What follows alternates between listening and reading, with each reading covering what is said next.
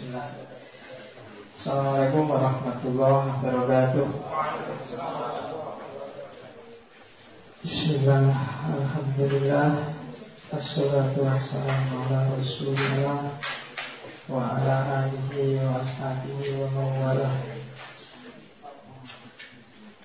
Alhamdulillah bisa malam hari ini bisa ketemu lagi Untuk melanjutkan ngaji filsafat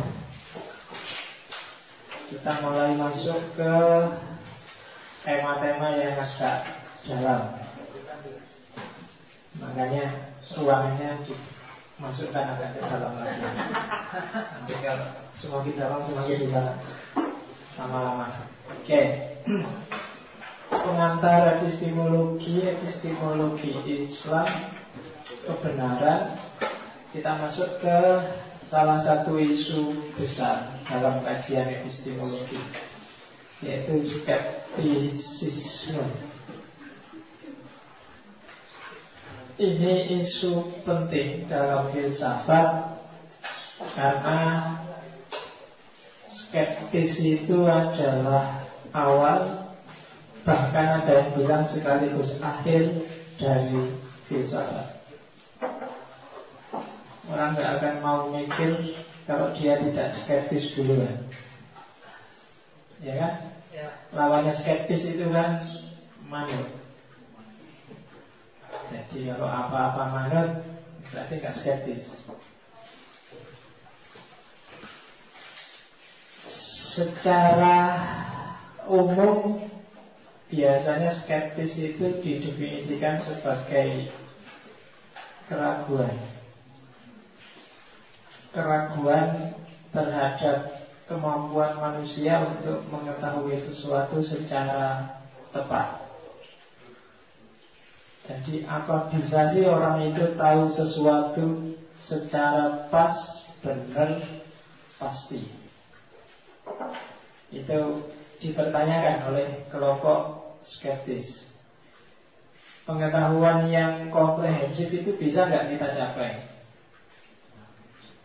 Apakah yang kita sebut tahu di kepala kita itu eksak enggak ya? Pas enggak ya?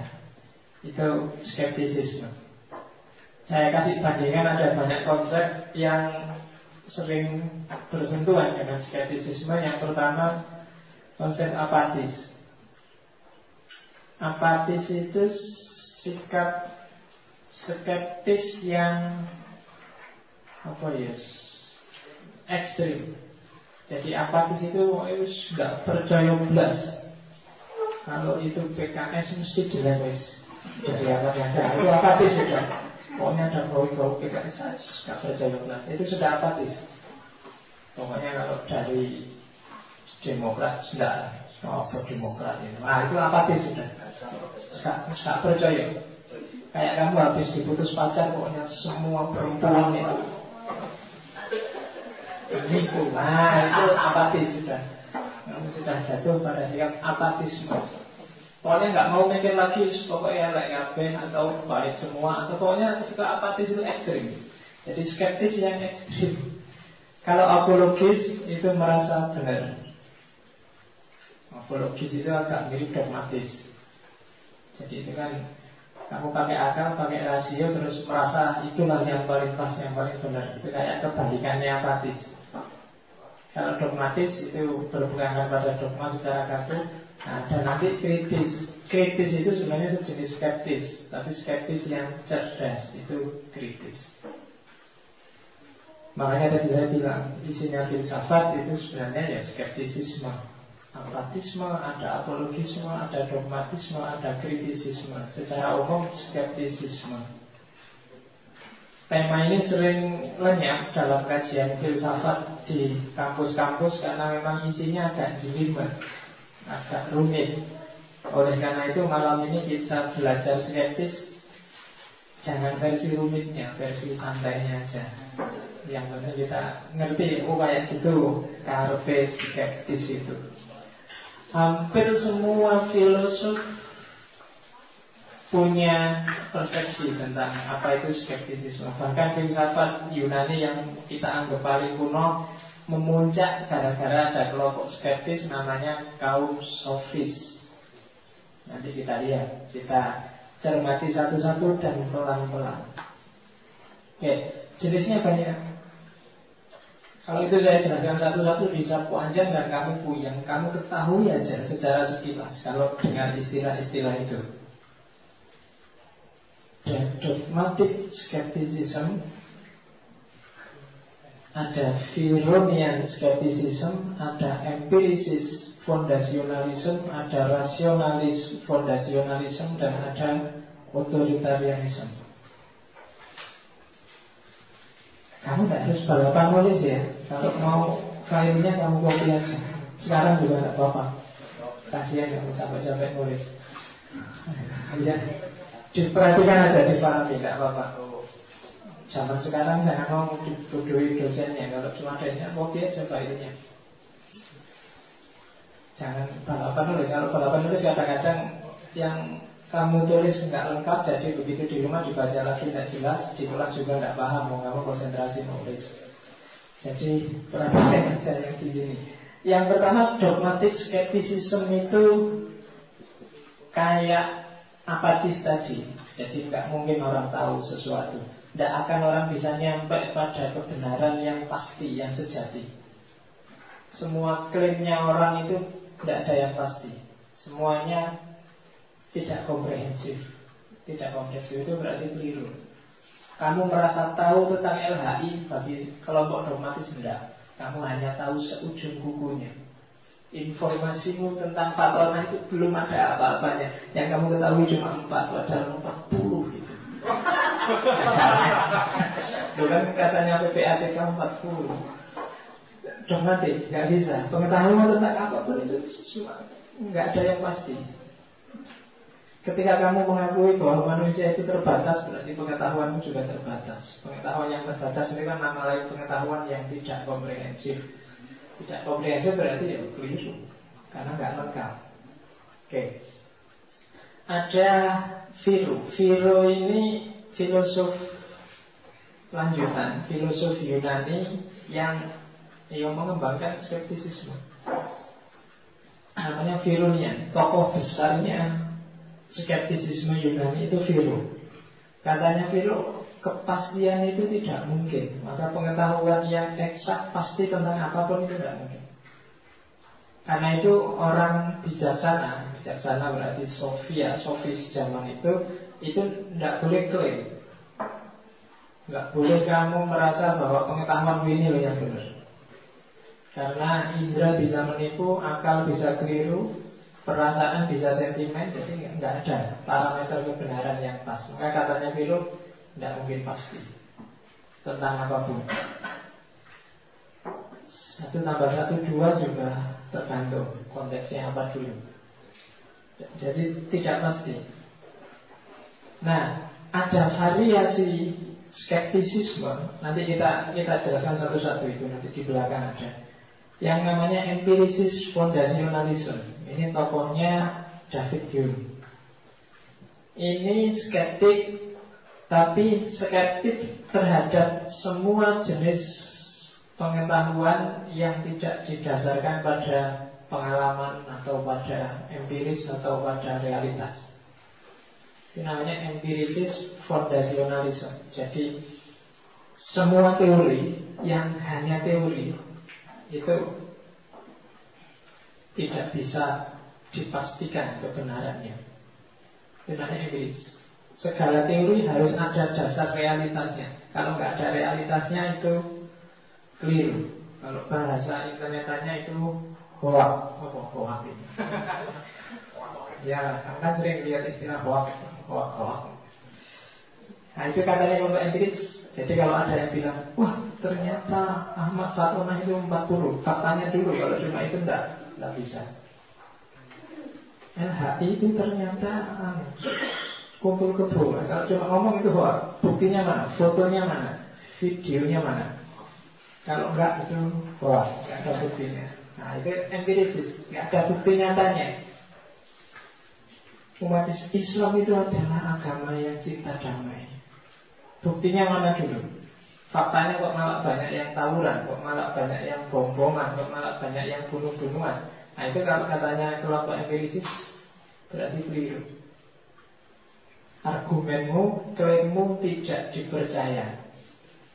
Itu empirisis. Nanti kita lihat David Hume. Terus ada rasionalis foundation, fondasionalisme. Nah, ini lawannya kelompok empirisis. Justru katanya kelompok rasionalis, semua rumusan teoritis yang dasarnya hanya panca indera, faktual, itu sifatnya pasti subjektif atau bahkan manipulatif. Hanya akal yang bisa menemukan kebenaran yang universal. Kalau dasarnya cuma realitas, realitas itu bisa berubah-ubah. Yang dulu kamu anggap bagus, sekarang bisa jadi jelek. Akal ya. Bisa bilang, bisa menemukan kebenaran yang universal. Subjektif. Bagi teman-teman PKS mungkin luar masalahnya orang kawin empat itu sunnah kok. Quran ada, Nabi juga menyarankan. Ya bagi kamu kan kawin kok empat satu aja nggak dapat.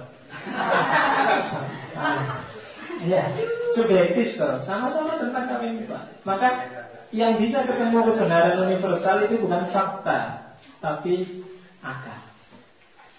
Kalau cuma lihat fakta, orang bisa keliru. Dari jauh kelihatan cakep, begitu dekat masih cakep. Tambah cakep. Jadi panca indera sering manipulatif, sering keliru. Oke, yang terakhir otoritarianisme. Kalau otoritarianisme itu pandangan bahwa kita nggak akan bisa tahu kebenaran. Yang tahu kebenaran hanya orang-orang tertentu yang ahlinya. Itu otoritarianisme. Kalau tentang fikih ya berarti hanya ahli fikih yang tahu. Kalau tentang kesehatan hanya dokter yang tahu. Kita ikut aja kata mereka. Mereka yang punya otoritas itu jenis skeptik juga. Berarti pandangan bahwa kamu tidak mungkin bisa tahu kebenaran. Yang bisa tahu kebenaran itu ahlinya saja. Itu namanya otoritarianisme. Oke, itu jenisnya. Jadi ada dogmatik, filonian, empirisis, rasionalis, dan otoritarianisme. Jenisnya. Konotasinya.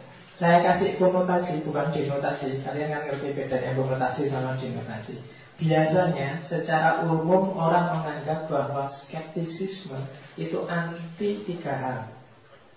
Yang pertama anti epistemologi, anti metafisika, dan anti etika. Saya sebut konotasi, konotasi itu berarti bisa kok diartikan ke situ, tapi tidak selalu begitu. Maksudnya itu, itu konotasi. Kalau dengar istilah Fustun yang terbayang di kepala apa? Fustun. Hari-hari ini kan orang sedang geger dengan istilah itu. Oke, okay. Fustun kan kamu baru dengar kemarin. Tapi karena Fustun ini lahirnya dalam konteks kasus Fatonah dan LHI, terus konotasinya kan jadi itu konotasi. Bisa situ. Memang kadang-kadang ada yang itu, tapi tidak selalu begitu. Itu konotasi. Kalau ada orang pakai tato, yang muncul di bayangannya apa? Nah, salah, terus terusnya. Ya, kan di TV tadi kan baru ada orang pakai tato. Ada artis yang punya tato di udel, di pantat, di. Saya nggak masalah tato ya, bikinnya itu gimana? ya kan, kamu jangan saya. Iya, kan tadi di metro itu kan ada seni bikin tato itu kan. Artis-artis ada yang di dadanya dikasih tato, ada yang ada yang punya tato di sini. Ada, tak lihat ada. Saya tatonya putih. Iya, tatonya putih gambar pink. Oke, jadi skeptisisme kadang digunakan sebagai anti epistemologi. Berarti apa? Dia skeptis terhadap kemampuan orang untuk nyampe pada pengetahuan yang pasti epistemanya pun tidak akan sampai pada kepastian. Anti epistemologi. Cara berpikir apa pun, kamu mau pakai akal, pakai empiris, pakai ayat, pakai apa pun, tidak akan sampai pada kepastian. Jadi semua boleh mau pakai apa saja. Dia anti epistemologi. Kalau selama ini kan di epistemologi orang debat, yang paling bagus itu ya pakai akal, yang paling bagus pakai empiris. Tapi secara umum bagi skeptis nggak ada satupun yang bisa mutlak pasti nyampe pada kebenaran. Variasinya sangat banyak. Yang kedua anti metafisika. Kenapa sih anti metafisika? Karena yang namanya metafisika seluruh konsep, seluruh teori dalam metafisika kalau di filsafat namanya filsafat spekulatif. Spekulasi. Hubungan jiwa dan badan. Itu kan spekulasi. Orang ya, gimana pasnya juga tidak tahu Wong itu barang metafisik ada akal, ada otak kanan, ada otak kiri, ada otak tengah misalnya. Itu kan sebenarnya barang metafisik. Meskipun dicoba dirumuskan secara fisika. Kenapa sih? Karena otak terus dikonotasikan dengan cara berpikir. Otak dan akal itu kan ada jarak. Tapi kemudian orang bikin konsep otak kanan untuk mikir A, otak kiri untuk mikir B, dan seterusnya. Nah, yang kayak gini-gini ini kalau kelompok skeptis, ah masa begitu? Nah itu anti metafisika. Dan yang terakhir anti etika. Sekali lagi ini konotasi. Dalam konteks tertentu skeptis memang anti etika. Karena bagi dia etik itu kebenaran yang sifatnya intersubjektif. Ini lalu saya sudah saya jelaskan apa itu intersubjektif. Jadi itu konvensi, kesepakatan saja. Kalau itu kesepakatan ya pasti nilai kebenarannya nggak mutlak. Kalau orang se-Indonesia sekarang menyepakati bahwa kayak di Perancis kemarin hubungan sesama jenis itu legal maka jadilah itu etis hubungan sesama jenis itu di kita kan nggak boleh sesama jenis antara laki-laki dan laki-laki, perempuan dan perempuan. Itu kan kalau di sini nggak boleh. Kemarin di Perancis dilegalkan. Berarti di sana etis, tapi di sini nggak etis. Makanya kalau ada yang Kemarin Farhad Abbas nuduh ternyata sama ya. LHI sama Fatona itu sama Sama-sama suka perempuan. Iya itu bagi saya ya wajar orang laki-laki kok. Suka perempuan wajar. Kalau laki-laki suka laki-laki justru salah. Tidak etis. Kalau di Indonesia tidak etis. Kalau di Perancis itu etis. Tidak apa-apa laki-laki suka laki-laki. Eropa 75% di Eropa sudah menyetujui hubungan sesama jenis. Berarti di sana etis, sementara di sini. Jadi nggak ada yang pasti untuk urusan etika. Ya. Oke. Saya kasih ilustrasi karena ini dulu. Sebenarnya presentasi yang ada sekitar 90 slide tentang skeptisisme, tapi tak potong-potong yang kira-kira bagian bikin kamu tak ngantuk. Ya, kalau bagian yang jelimet kamu mesti pening. Oke, skeptis itu gambarannya apa sih yang ada di kepalanya orang skeptis? Bagi skeptis pemahamannya manusia terhadap realitas, baik realitas hidupnya, dirinya, alam semesta itu kayak enam orang buta memahami gajah. Jadi itu sebenarnya cerita dari Buddhisme untuk menunjukkan bahwa seperti apa pun usaha kita, kita nggak akan bisa memahami Tuhan. Tapi kan kita biasanya yang penting realitas itu kayak gitu. Orang buta pegang kaca, begitu pegang apa telinganya, oh, gajah itu kayak kipas. Terus pegang buntutnya, oh gajah itu kayak apa? Buntut kayak apa? Kayak cambuk. Kalau begitu pegang kakinya gajah itu kayak ya. Ya, apalah bayangannya gitu. Kalau pegang belalainya berarti gajah itu kayak pikiranmu ulo terus. Oke, pokoknya gitu lah. Nah, orang memahami realitas juga begitu. Sejauh jangkauanmu, sejauh yang bisa kamu pegang, sejauh yang bisa kamu raih, itulah nanti yang masuk di kepalamu. Dan pemahamanmu kayak itu. Itu ilustrasi. Ilustrasi kedua, ini sebenarnya ilustrasi-ilustrasi. Ini saya lupa kalau nggak Ghazali Hanafi yang bilang bahwa tidak ada pendapat yang mutlak. Ini konteksnya biasanya pemikiran agama, fikih. Tapi iya, iya boleh nggak apa-apa. Oke, kalau di pondok saya kita kuning, tapi kita kuningnya bukan fikih. Ya, saya biasanya pakai ulumul Quran atau pakai mantek. Kalau fikih saya tidak terlalu ngangkat. Tapi ya itulah, karena fikih itu kan sering-sering permasalahannya permasalahan sebenarnya fikih itu urusan bumi tapi sering-sering bikin isu-isu langit itu yang saya ya kan maksudnya masa fikih di fikih itu kadang-kadang kan di pondok dulu saya kan gitu ngajinya banyak hal-hal yang seolah-olah kalau nggak ada kasus bikin kasus sendiri gimana kalau kita sholat terus ini benangnya copot, benangnya panjang sekali sampai di luar ruangan. Kok kebetulan jatuhnya di kotoran. Sholatnya siapa enggak? Saya, gitu kan? Ngarang. Dulu saya gitu.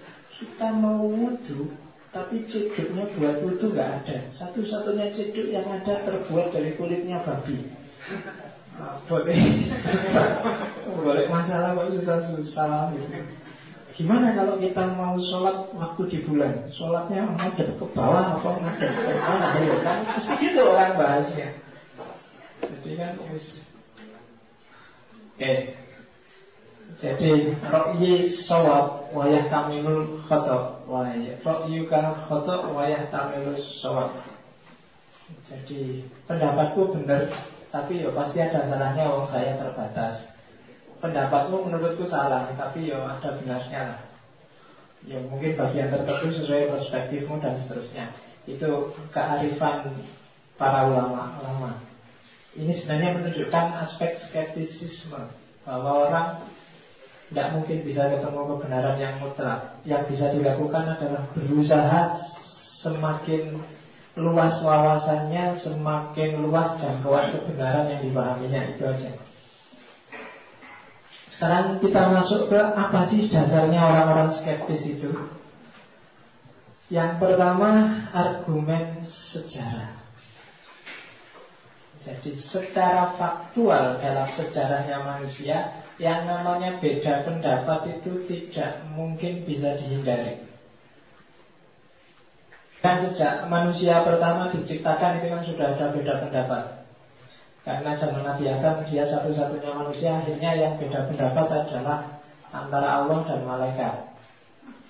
Ya kan? Allah mau menjadikan malaikat Ya Allah menjadikan Adam menjadi khalifah Malaikatnya komplain. Itu kan beda pendapat Ada diskusi Tapi terus kan malaikatnya nyerang Masuk komplain sama Gusti Allah kan mesti kalah Ya kan? Kan Allah kalau diajak debat di, di Al-Baqarah awal itu kan Allah cuma bilang kamu tidak tahu dan saya yang tahu. Selesai kan? Itu kan kayak kamu komplain saya urusan skeptisisme karena kamu nggak ngerti kan jawabanku. Alam manut baik kan nggak paham. Itu persis ketika malaikat komplain kok Nabi Adam mau diturunkan ke bumi. Jadi fakta sejarah menunjukkan bahwa tidak ada satu kebenaran universal yang disepakati oleh manusia seluruh dunia. Lalu ada perselisihan, selalu ada geser pandangan. Kamu bilang, tapi kan semua orang percaya Tuhan. Ya, banyak orang yang tidak percaya pada Tuhan. Tapi kan semua orang punya spiritualitas. Banyak juga yang merasa nggak ada spiritualitas itu. Yang materialistik juga banyak. Nggak ada satupun kebenaran yang disepakati tentang apa pun oleh setiap orang. Jadi makanya kata kalau skeptis, skeptis nah, sejarah sudah membuktikan itu argumen sejarah. Argumen kedua, argumen fisik. Pengetahuan, argumen fisika. Pengetahuan manusia tentang dunia fisik. Yang pertama, manusia nggak mungkin tahu dunia nyata, dunia fisik. Kenapa? Karena ketika manusia tahu itu sebenarnya bukan pengetahuan murni, tapi sudah tanggapan. Kalau bahasanya Immanuel kan namanya apa? Dusting ansih itu sesuatu apa adanya Nomena Tanggapan itu namanya fenomena Tidak ada sesuatu yang murni kalau sudah bersentuhan dengan manusia. Karena begitu ketemu manusia Yang dilakukan manusia itu pasti menanggapi. Menanggapi itu memahami sesuai kapasitas akalnya. Itu menanggapi. Jadi faktanya jenggot misalnya. Jenggot itu tampil tidak semata-mata dia sebagai jenggot. Tapi begitu dipahami orang antara yang suka jenggot dengan yang tidak suka jenggot kan Beda sudah. Jadi bukan jenggot murni lagi. Ada yang punya jenggot? Tidak ada ya. Nah, di sini jenggotnya eceran semua. Iya. Nah, cuma satu-satu kan kalau ya orang Arab kan kalau jenggot paket Saya cuma satu-satu kayak saya Jenggotnya eceran Faktanya jenggot Tapi kan persepsimu terhadap jenggot kan macam-macam. Orang langsung nanggapi, wah oh, jenggot ada yang uh fundamentalis, ada yang uh Oma Irama, Gak pernah jenggot itu bunyi sebagai dirinya sendiri. Dia selalu bunyi sesuai persepsinya orang. Lihat baju kotak-kotak Uh, Jokowi Lihat warna merah Uh, PDI Lihat warna kuning Uh,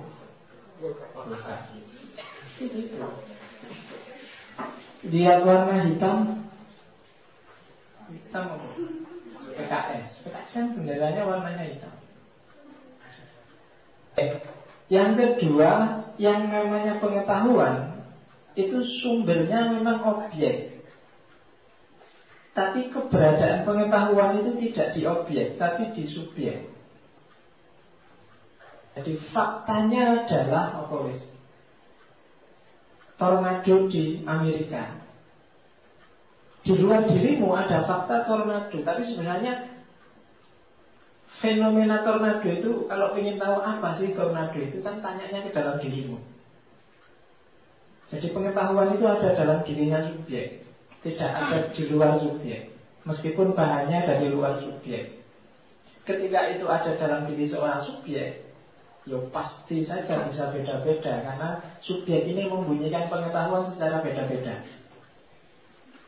Ada yang Sios itu hukuman buat Amerika. Ada yang bilang Wah itu memang sekarang kondisi alam tidak seimbang. Ada yang bilang Wah itu ujian. Wah itu Amerika sedang disayang oleh Allah Dikasih ujian mengenai kan gitu.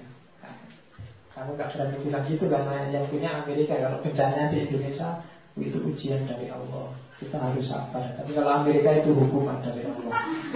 Kan itu. Jadi kenapa itu kan yang bunyi kan dirimu sebagai subjek? Kemudian kenapa sih nggak pasti ya? Karena indera itu memberi informasi sejauh yang dia tangkap.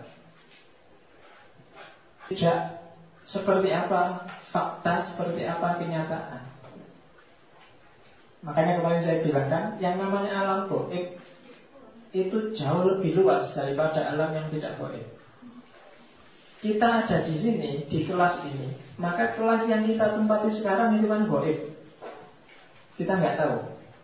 Ah, di belakang saya ini kan sudah goib. Saya cuma lihat ke depan, maka di sini nggak ada apa, ada cecak, ada apa, saya nggak tahu. Itu kan alam goib berarti ya. Jadi indera hanya bisa memahami sejauh yang bisa kita tangkap. Di luar itu indera tidak berdaya. Maka pengetahuan kita itu kan kalau tentang fakta fisika itu kan dasarnya indrawi.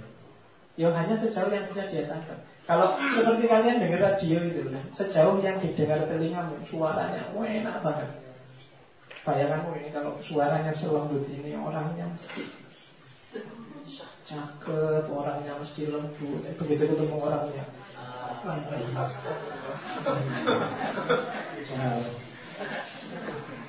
Suaranya merayu, wajahnya menipu. Ya, jadi ya karena kamu percaya pada indera telinga, indera pendengaran ternyata tertipu. Mata juga begitu kan, bisa menipu. Makanya fisika baru itu kan bukan fisika yang pasti, tapi fisika kuantum yang dirumuskan dengan dasar relativitasnya Einstein. Jadi tidak mesti. Kalau Einstein kan mencontohkan relativitas itu Kalau kamu duduk di atas kompor yang sudah nyala, meskipun cuma satu menit, rasanya kayak satu jam. Tapi kalau kamu duduk jejer sama cewek cakep, meskipun satu jam, rasanya kayak satu menit. Itu relativitas. Waktunya sama. Jadi satu menit dan satu jam, tapi kebalikannya. Kalau duduk di atas kompor nyala kan satu menit terus gosong. Kamu ingin cepat-cepat selesai gimana? Tapi kalau sama cewek cakep kan jangan nanti aja. Jangan sulit. Oke, jadi itu indra tidak membidik sesuai kenyataan sehingga makanya saya bilang fisika baru itu fisika kuantum bukan fisika yang pasti itu argumen dari sisi fisika yang dipakai oleh kelompok skeptisisme yang kedua argumen psikologis ini agak agak puitis. Jadi kata orang psikologis, kita itu kan hidup hari ini, bahannya masa lalu, tujuannya masa depan. Ya kan? Bahan masa lalu itu yang jadikan kita jadikan bekal masa kini itu ternyata kan hanya ingatan. Masa lalu yang kita pakai sebagai bahan itu kan hanya masa lalu yang kita ingat. Kita hidup sekitar 20-an tahun lah seumuran teman-teman ini. Itu kan dari 20 tahun hidup itu kan sudah banyak sekali peristiwa. Tapi yang kita pakai jadi pedoman hidup kan paling beberapa momen. Hanya yang kita ingat-ingat saja. Tidak semuanya Baik yang formal maupun non formal Yang formal kayak yang di sekolahan itu saya nggak berani jamin Ilmu SD, SMP, SMA masih ada sisanya di bawah Jangankan yang itu, habis ujian masuk di kelas keluar besok seandainya diujikan lagi kamu mesti nggak berani. Ingatanmu pendek, apalagi ingatannya orang Indonesia. ya kan? Belum lama kamu mencaci maki Soeharto, kamu pisu-pisuin seolah-olah dia harus mati, harus dibunuh. Tapi sekarang sudah muncul tulisan, dia kabar ini. ya, enak zaman itu tau. Jadi tergantung ingatan. Hidup kita sebenarnya sangat bergantung pada ingatan. Dan itu betapa tidak pastinya. Kenapa tidak pasti? Karena ingatan itu dasar pengetahuan yang paling tidak pasti. Kalau empiris mending pasti, pakai akal pasti, tapi kalau ingatan kan tidak pasti. Sementara kalau tadi dibilang dasarnya ingatan dan untuk masa depan Dan masa depan itu kan barang yang tidak jelas Menghadapi masa depan yang kita lakukan kan bukan ingatan tapi spekulasi kan? Yang satu, jadi kita hidup hari ini itu dengan bekal yang kita ingat saja Dan tujuannya adalah spekulasi Pasti, pasti tidak mesti kalau gitu Spekulasi ini kan kira-kira kalau wajahku kayak gini, ya besok kira-kira artis lah. Nah, itu kan spekulasi. ya, artis bagiannya dipukuli. Jadi, itu spekulasi. Kamu kira-kira, besok cita-citanya jadi apa? Saya mau jadi dokter misalnya. Itu kan spekulasi. Ingin jadi dokter waktu kuliah UIN. Jurusannya pasti hadis dokter ayo kasih situ dari dokter dari dukun kan. Oke spekulasi tidak jelas. Di depan itu ada apa kamu nggak jelas. Bahannya hanya ingatan-ingatan saja. Itu argumen psikologi. Jadi secara fisika secara psikologi dan secara sejarah katanya orang skeptik menuntut kita untuk jadi orang yang skeptis. Eh sehingga kesimpulannya skeptis itu punya dua model. Yang pertama model relativisme. Jadi tidak percaya manusia itu bisa tahu sesuatu secara mutlak, maka hasil pengetahuannya manusia semuanya sifatnya relatif. Nah, ada yang metodis, yang satu jenisnya relativitas, yang satu jenisnya metode.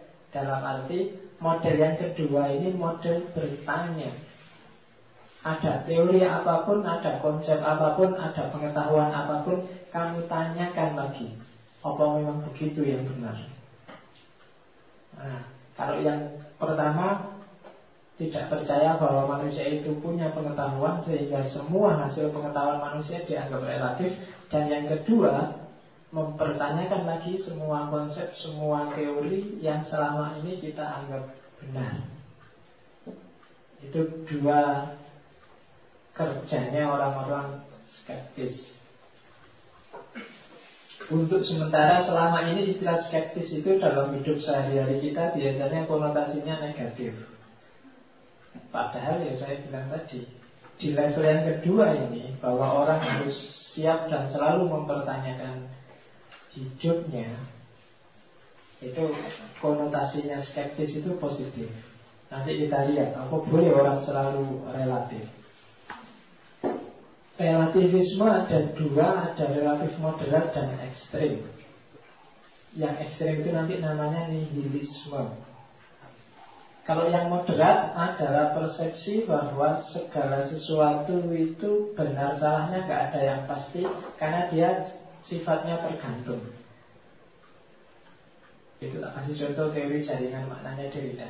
Tergantung itu maksudnya bisa tergantung orang melihat dengan kacamata apa yang melihat, bisa tergantung objek yang dilihat itu apanya, bisa tergantung orang melihat ini untuk kepentingan apa.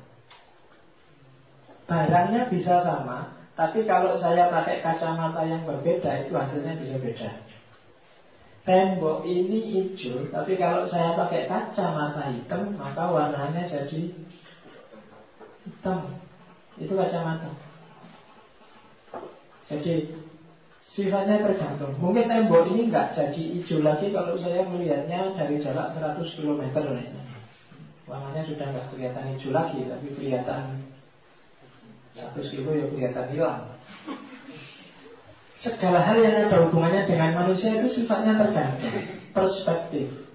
Maka kalau katanya relativisme yang moderat, kalau kalian kuliahnya bidang humaniora, sosiologi, antropologi, agama, itu kan humaniora. Semua teorinya itu sifatnya relatif. Relatif dalam arti tergantung loh. Kamu melihat dari mana dulu. Tidak ada yang pasti. Agama yang kamu anggap pasti kan juga tergantung. Beras itu halal atau haram? Iya tergantung. Tidak pasti. Pisang itu haram atau halal? Nikah itu haram, halal, wajib, mubah, makruh Kira-kira ada nggak nikah yang sunnah? Ada Nikah yang haram kira-kira gimana? Eh?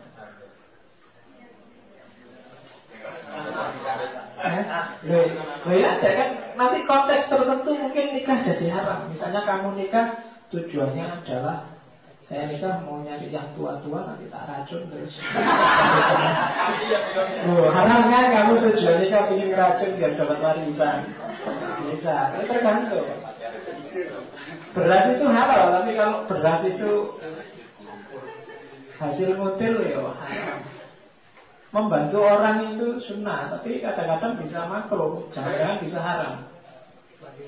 Kamu ngasih temenmu, wah temenmu ini suka bubur ayam. Nanti kamu jam satu malam dia lagi pulasnya tidur kamu bangun, eh bangun bangun ada bubur ayam. Mungkin kamu malah kampleng lagi enak-enak tidur dipanggilin bubur ayam. Kamu sama pacarmu perhatian, kamu nge-SMS jam satu malam. Gimana ya? Sudah tidur belum? Dia sudah pulas gara-gara baca SMS ini kayak malah dongol. Padahal kamu maunya perhatian. Tergantung kan. Itu loh. Jadi enggak, enggak, kalau teorinya dari yang jadinya makna itu sesuatu itu nilainya tidak pasti, tergantung kamu melihatnya dari mana. HP ini alat apa? Gunanya apa HP ini? Alat komunikasi. Tapi ini tergantung. Alat komunikasi kan bagi kamu yang pakai. Bagi pengusaha HP kira-kira ini apa? komoditas dagangan. Bagi pabrik HP kira-kira ini apa? Bagi Steve Jobs mungkin beda lagi. Bagi adikmu yang umur 3 tahun kamu kasih HP ini bukan alat komunikasi. Iya. Jadi tergantung lihatnya dari mana. Teh ini menurut kalian apa?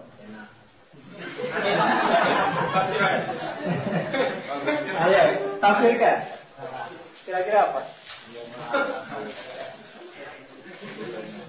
Dari persepsi kamu kira-kira tadi itu.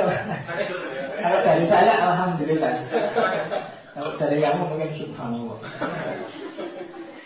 Tergantung dia dari mana.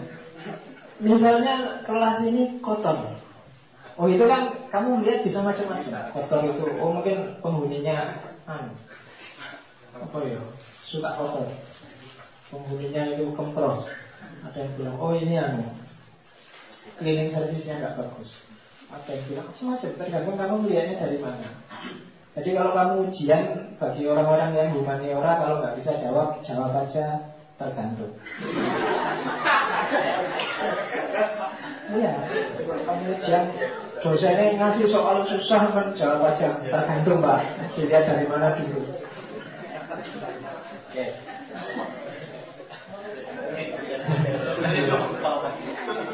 Saya pernah sama dosen gegeran gara-gara tergantung cuma gegeran itu ya. Tak kasih itu segalanya kan tergantung bu. Kok bisa lah tergantung itu kan kalau pakai sarung. Kalau pakai ya aku lama nih untuk kalau kita iya suwe aku baru paham kalau tergantung itu kan kalau pakai sarung kalau tidak ya wes suara Oke, ya kamu jangan dipikir sekarang, dipikir dulu. Apa maksudnya kok Oke, mulai. Ya, bikin seminar internasional. Tergantung judulnya itu. Ya, kan bisa di seminar internasional judul besarnya tergantung. Jangan dikasih ilustrasi gambar. Oke, terus yang ekstrim namanya nihilisme. Kalau tadi tergantung, tapi kalau di nihilisme, di kelompok Indonesia dan kawan-kawan sudah total. Tidak ada objektif minim. Nilai tujuan apa pun itu dalam hidup yang sifatnya ideal itu relatif total. Tidak pakai tergantung-tergantungan. Itu bikinan untuk kepentingan tertentu, untuk misi tertentu, untuk pokoknya subjektivitas manusia yang total itu nihilis. Orang relativis Orang yang tidak percaya ada kebenaran Pasti kalau levelnya moderat masih masuk akal Tapi kalau sudah nihilis itu berat kamu hidup Tidak ada satupun yang kamu percaya Dalam film Orang baik tidak ada yang kamu percaya Orang jujur ah, Jujur itu kan pura-pura Padunya Ya kan karma itu kan tidak percaya kalau agama itu bisa agama itu kan cuma manipulasi. Prinsip utamanya ekonomi. Jadi ujung-ujungnya kalau di rumah itu mesti ketemunya ekonomi. Bikin partai bersih, partai dakwah, partai anu tetap nanti akhirnya ekonomi. Itu kecuali nggak nyaman. Maka dia nggak percaya ada orang pakai jargon-jargon agama. Wah kita agama bisa menyelesaikan masalah ya enggak. Ujung-ujungnya ekonomi. Kebalikannya Freud. Kalau Freud bukan ekonomi ujungnya, tapi ujung-ujungnya mesti seks ngomong bulat macam-macam malah paling ujung-ujungnya saya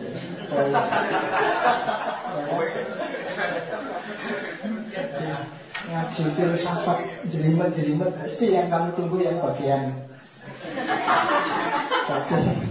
Pasti arahmu mesti di situ. Ada yang ekonomi ada yang ada yang dua-duanya. Ya ekonomi ya saya. Ya Berarti kesuksesan itu kan kalau kamu kaya raya dan istri banyak kan itu. Itu kelompok nihilis. Nanti ada sesi sendiri. Nihilis biasanya kelompok eksistensialis postmodern awal itu kebanyakan nihilis. Kalau ada waktu nanti di metafisika kita bahas itu. Ah, kita masuk ke ranah. Yang pertama sangat dikenal dalam sejarah untuk skeptisisme adalah kelompok sofis.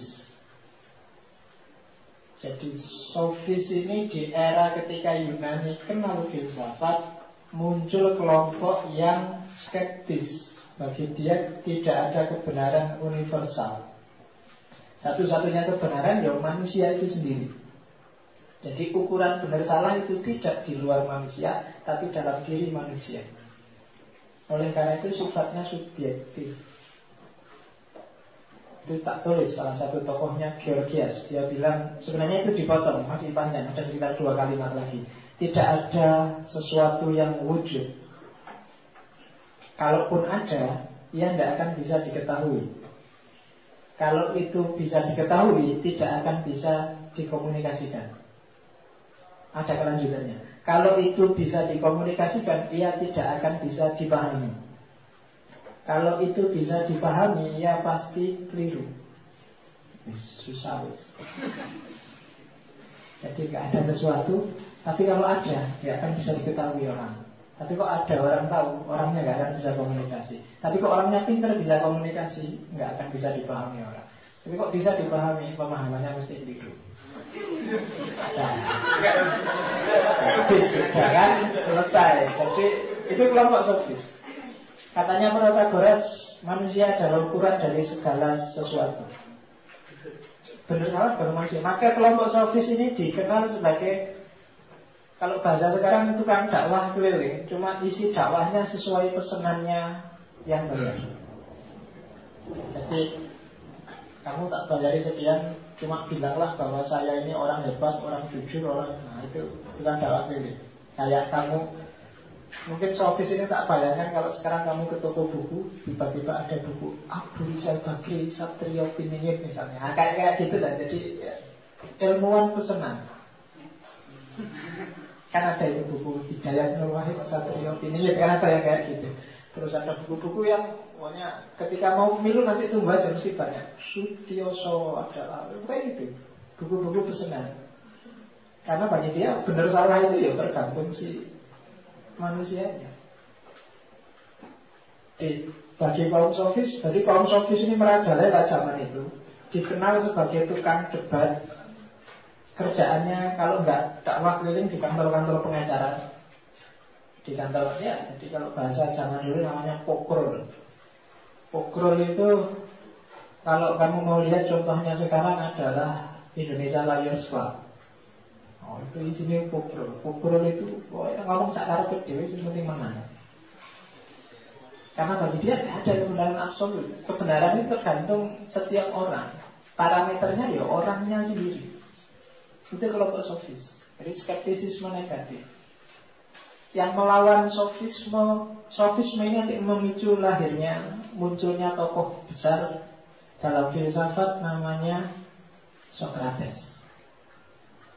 Jadi ketika masyarakat rusak oleh cara berpikir sofis ini munculnya muncullah seorang Socrates.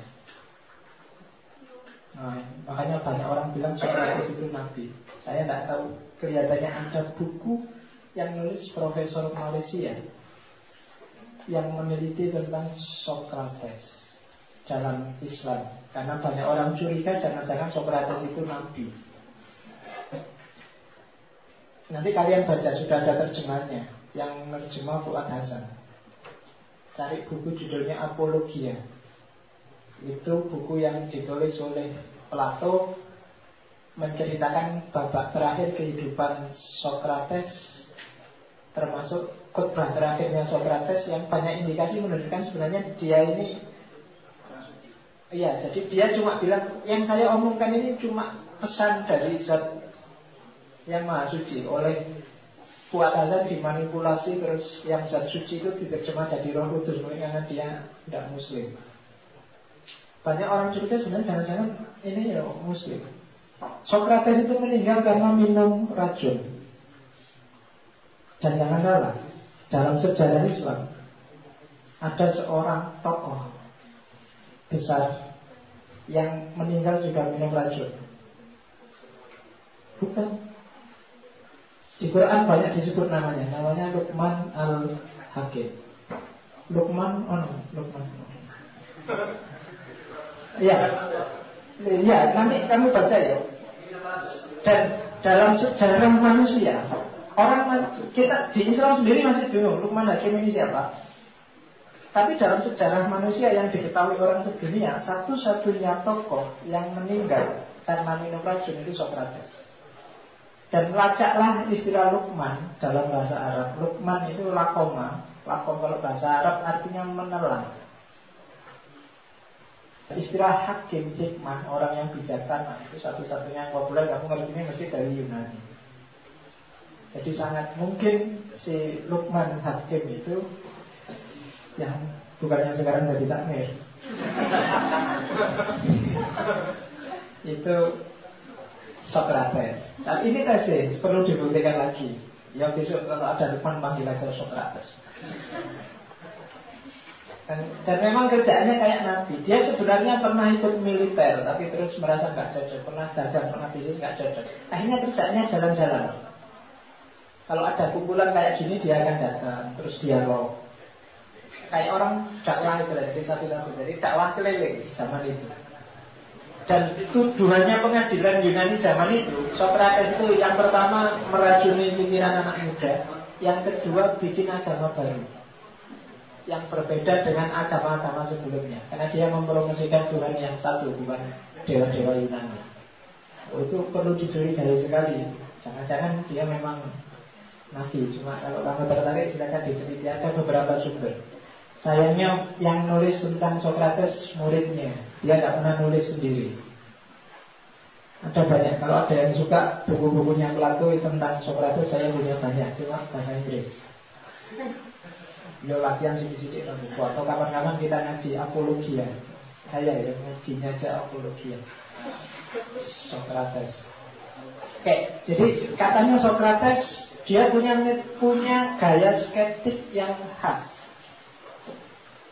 Bahwa justru orang itu filosof yang sejati kalau dia mengakui bahwa saya itu tidak tahu apa-apa.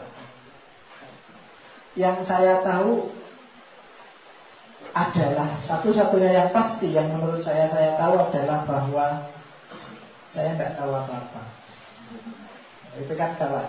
Pengetahuanku selain itu semuanya perlu dibahas lagi. Hanya satu itu yang tidak harus dibahas lagi bahwa saya tidak tahu apa-apa. Oh itu luar biasa. Metodenya namanya metode dialogis. Jadi dia tidak pernah menggurui orang.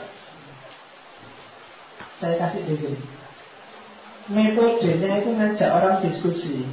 Mencairkan cara berpikirnya yang kaku sampai dia ngaku sendiri bahwa oh ya, ya saya salah. Itu caranya Socrates. Jadi tidak digurui, tidak diceramai, tidak dituding-tuding. Dan biasanya kan kalau ceramah itu mungkin-mungkin orang disuruh berpikir karena Orang itu hidup kalau bahasa Jawa banyak dalam ketidaksadaran. Ya sering saya bilang di pengantar-pengantar sosial biasanya kita sering tidak sadar. Saya kasih contoh saya lupa di mana itu adalah kamu sedang ngapain? Kok tergantung di Sokrates tanya pada teman saya sedang patah hati. Apa sih patah hati itu? Patah hati itu karena ditinggal pacar. Apa sih pacar itu Pacar itu seseorang yang kita cintai. Cinta itu apa? Jadi pokoknya stres kamu kalau ketemu sama sampai kamu menyimpulkan bahwa ya jangan-jangan saya ini nggak patah hati ya, jangan-jangan sampai gitu. Ini cuma cengeng aja, ini cuma nah itu itu kayaknya Socrates. Apa sih ngaji filsafat itu? Ngapain sih kamu ngaji filsafat? Kamu ngerti kok ngaji itu apa? Filsafat itu apa? Tujuanmu itu apa? Meditasi terusnya itu Socrates. Jadi metodenya metode yang membuka pikirannya orang, wawasannya orang. Jadi dia kelompok skeptis. Dia selalu menguji yang namanya dan Itu yang bikin dia disebut orang yang merusak cara berpikirnya anak muda. Karena negara itu biasanya nggak suka yang merusak-merusak. Orang disuruh makan, pokoknya ini sudah baik, ini sudah bagus, jangan ngeritik. Ikan negara dan masyarakat. Dan itu yang diserang oleh Socrates sehingga dia dihukum oleh penguasa disuruh minum racun. Meskipun kalau dia mau sebenarnya bisa saja dia tidak jadi dihukum. Kalau dia mau ngaku salah ya sudah ya tidak akan dibilang itu saat itu juga dihukum. Di penjara itu penjaranya dibuka. Kalau dia mau lari, lari aja anytime. Mau yang jaga juga hormat sama dia. pemerintah juga hormat sama dia. Hanya karena resiko konstitusi dan beberapa orang yang tidak suka sama dia. Maka dia cuma dia bilang kalau saya ngaku bahwa saya salah atau saya lari hari ini maka besok orang tidak akan ada yang percaya dengan yang saya omongkan. Maka dia lebih memilih minum racun. Itu Socrates jadi ini agak dahsyat karena kalau kalian setuju dengan skeptisisme dan kalian mau bersifat kritis dan skeptis itu hati-hati ya di masyarakat bisa. Tapi ya, harus begitu. Kalau nggak gitu masyarakatnya nggak naik kelas. Sejak, sampai besok ya gini aja Indonesia. Kalau nggak ada yang berani bertanya mempertanyakan kemudian merumuskan hal-hal baru yang lebih bagus dari yang kamu lihat hari ini. Itu skeptisisme. Metode Socrates sering disebut metode mayotika. Mayotika itu metode bidan yang membantu perempuan melahirkan. Jadi analoginya ke sana karena bagi Socrates pikiran itu harus muncul dari diri orang sendiri. Orang yang pintar, orang yang tahu kebenaran, otomatis dia akan jadi orang baik. Itu teorinya Socrates. Meskipun kamu mungkin nggak setuju, sekarang banyak orang pintar, tapi kok jelek. Nah, itu berarti dia bunuh diri. Kenapa? Kalau kamu tahu yang baik dan tidak melakukan yang baik, itu siksaan tersendiri buat kamu. Harusnya orang tahu yang baik, tahu yang benar, itu melakukan yang baik dan benar. Tapi kalau kamu keluar dari situ, biasanya kamu sendiri tersiksa. Kamu tahu bahwa bolos itu jelek, dan ketika kamu nekat bolos itu biasanya kamu kan tersiksa. Aduh, jangan-jangan itu ngapain tadi bolos itu kamu tersiksa. Maka orang pinter, orang yang bijaksana itu otomatis dia orang yang baik secara sosial dan secara moral. Kalau tidak, itu berarti dia bunuh diri, bahaya buat dirinya sendiri. Itu Socrates. Saya tidak tahu kamu sering bunuh diri apa enggak. Iya. Ah, tokoh selanjutnya dari selain Socrates adalah Descartes. Tulisannya Descartes. Jadi Descartes yang punya rasionalistik fondasionalisme. Jadi dia meragukan skeptisnya Descartes itu meragukan semua hal kecuali nanti satu dan berpijak dari satu itu terus mencari hal-hal yang lain yang tidak meragukan. Yang pertama katanya dekat kita tidak bisa mempercayai indera kita. Contoh paling gampang kalau kita mimpi. Kalau kita mimpi itu, kalau kamu mimpi kan kadang-kadang saya tadi mimpi dipukuli. Kamu juga merasa susahnya dipukuli, nggak enaknya dipukuli, sumpahnya dipukuli, bahkan sakitnya dipukuli kami merasa. Saya begitu bangun, eh, bahasa apa ya? Indra pun sering menipu. Saya tadi ngasih contoh banyak bagaimana indra menipu. Dari jauh kelihatan bersih, dari dekat kelihatan oh. Jadi indra kita sering menipu. Gak ada satupun konsep dari indra yang bisa dipercaya. Maka katanya dekat segala sesuatu layak untuk diragukan apa pun itu. Nah, terus meskipun demikian, seandainya segalanya harus diragukan, ada satu yang pasti. Yang pasti apa? Yang pasti adalah bahwa ada saya yang sedang ragu. Itu kan pasti. Jadi segala hal harus diragukan kecuali saya yang sedang ragu ini kan pasti. Kalau saya meragukannya nggak pasti kan berarti nggak ada yang diragukan. Karena ada yang diragukan berarti pasti ada saya yang meragukan. Meragukan itu kan sama dengan berpikir. Saya ragu, masa kayak gitu itu kan mikir. Jadi meragukan sama dengan berpikir. Dan kalau ada aktivitas berpikir, berarti ada orang yang mikir. Apa ada pemikirannya sendiri orang enggak ada? Kan enggak ada. Ada pikirannya kok, Pak, enggak ada orangnya, enggak mungkin. Pasti ada orang yang berpikir. Berarti apa? Ada aku yang berpikir. Sehingga kesimpulannya aku berpikir maka aku ada. Kogito ergo sum. Itu konsep yang sangat terkenal dari Descartes. Aku berpikir maka aku ada. Jadi orang yang tidak mikir itu berarti ya, tidak eksis. Karena nanti ini dirumuskan secara panjang lebar dan terus oleh Descartes untuk merumuskan konsep-konsepnya selanjutnya. Dan permis awalnya adalah aku berpikir maka aku ada. Karena pikiran-pikiran rasional ini nanti yang melanjutkan pemahaman tentang realitas tidak bisa dibalik. Biar tidak keliru, karena indera tidak bisa dipercaya. Saya baru saja menerjemahkan buku tentang Descartes yang judulnya In Search of Myself. Jadi mencari jati diri. Novel, tapi agak jelimet agak rumit. Jadi novel yang sangat filosofis. Kamu membacanya nggak bisa sambil santai, harus sambil mengkerut sambil ya kamu bulat. Jadi ini ada filsafat mimpi, ada filsafat diri yang luar biasa.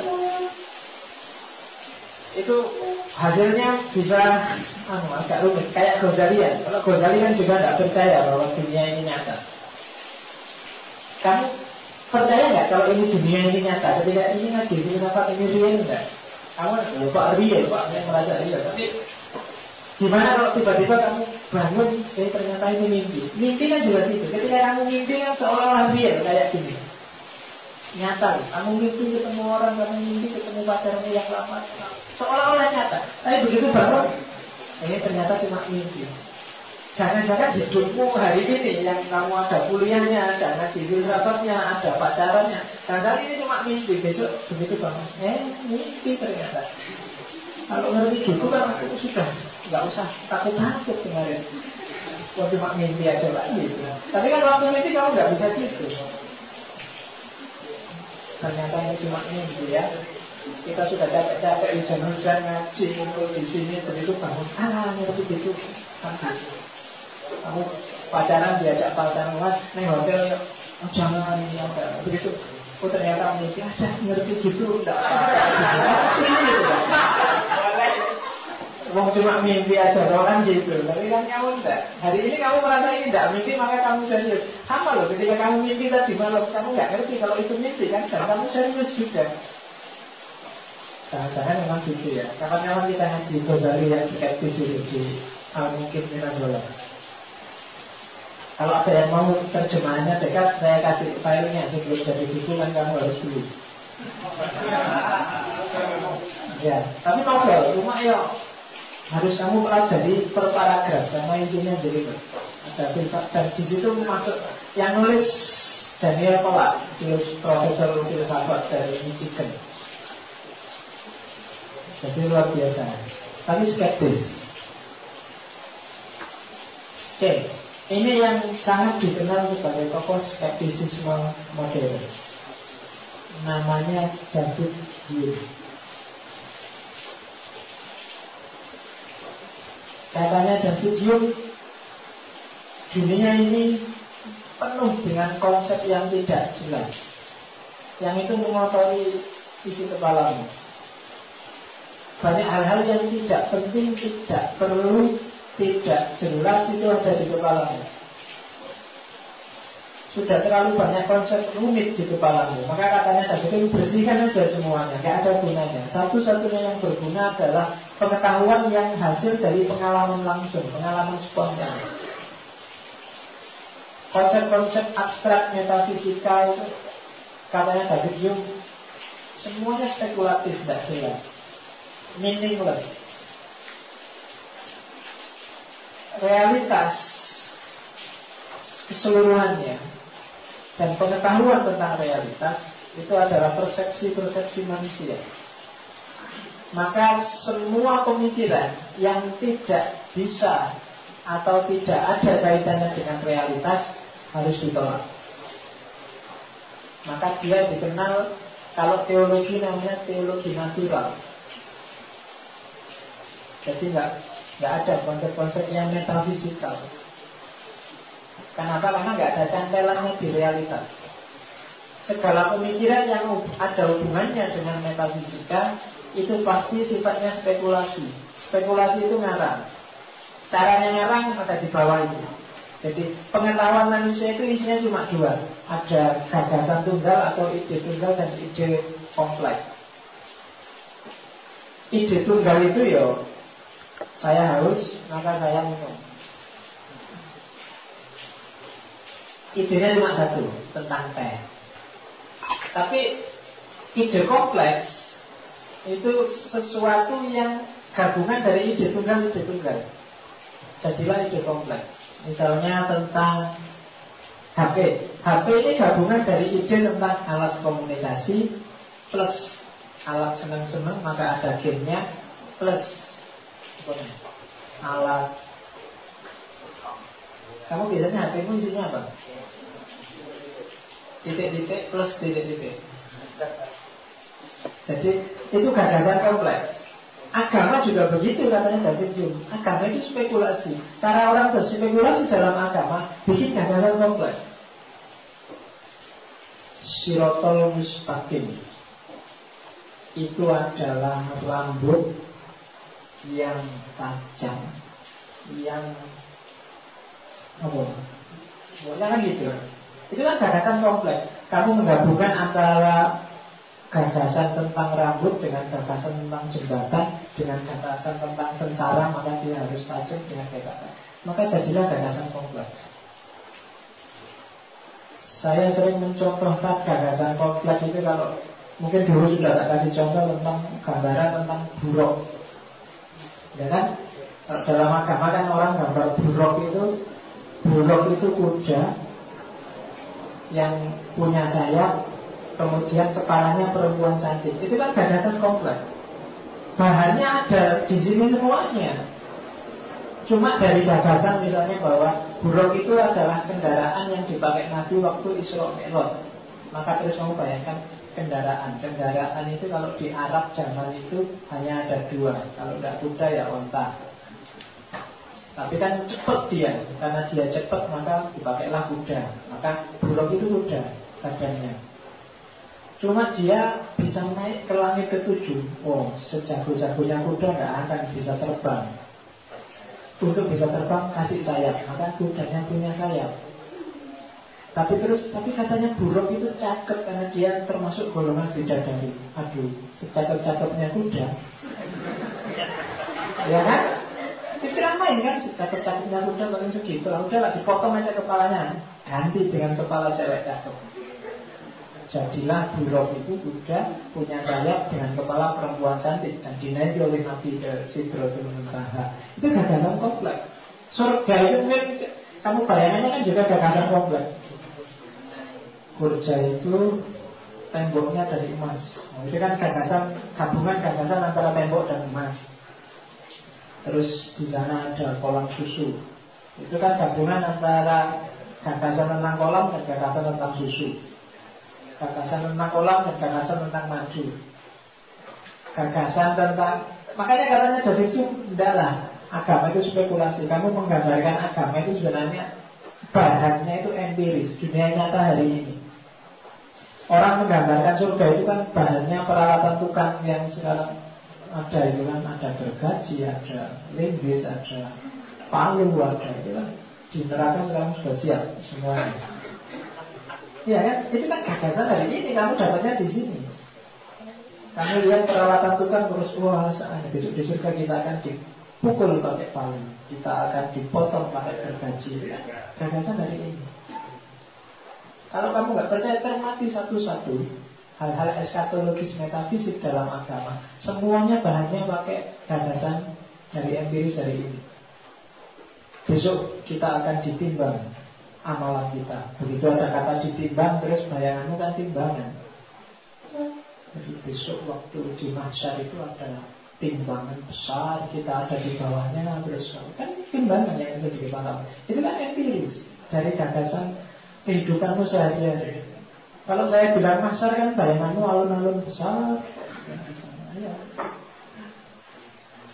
siapa yang bilang masar itu alun-alun peduli amat pokoknya ya masar ya kayak gitu katanya buminya sudah hancur tapi masih bisa alun-alun yang namanya masar Lalu kan itu gagasan kompleks namanya kita nggak tahu pastinya maka bikin spekulasi-spekulasi maka kata David Hume ngomong kosong yang seperti itu Gitu. Yang dasar lagi dari David Hume adalah dia tidak percaya dengan kausalitas dan tidak percaya dengan induksi. Kausalitas itu sebab akibat. Tapi David Hume sebab akibat itu tidak ada. Yang ada hanya peristiwa A yang diikuti peristiwa B itu aja. Kamu tak lempar HP, Terus kepalamu benjol Benjolnya kepalamu itu bukan disebabkan oleh lemparan ini. Tapi ada peristiwa yang berentetan Ada peristiwa saya ngelempar HP Ada peristiwa kepalamu benjol. Tapi dia tidak sebab akibat. Kalau sebab akibat itu kan harus pasti terus gitu Setiap kali tak lempar kamu benjol. Setiap kali tak lempar kamu benjol. Kan nggak selalu karena dilempar juga tidak benjol. Berarti ada peristiwa melempar Tapi tidak muncul peristiwa kepala benjol. Maka itu itu bukan peristiwa. Hanya karena biasanya aja begitu. Maka orang bilang ada sebab akibat. Gara-gara senyummu hatiku meleleh. Misalnya. Itu bukan sebab akibat. Jadi ada peristiwa kamu senyum dan Terus selanjutnya lahirlah peristiwa hatiku yang meleleh. Kenapa nggak sebab akibat? Ya, karena kadang-kadang kamu senyum pun nggak meleleh. Jadi itu hanya peristiwa yang beriringan aja. Sama kayak Ghazali. Ghazali juga tokoh yang tidak percaya sebab akibat. Cuma kalau Ghazali cara berpikirnya beda. Kenapa tidak ada sebab akibat? Karena semuanya ditentukan oleh Allah. Kalau Allah intervensi tiba-tiba, itu bisa konsep sebab akibatmu kacau loncat dari mall 30 lantai itu pasti tewas. Tapi tidak kalau Allah intervensi. Waktu kamu loncat tiba-tiba ada truk yang bawa kasur Truk itu kamu pas di atasnya. Itu kan Allah intervensi. Jadi nggak bisa.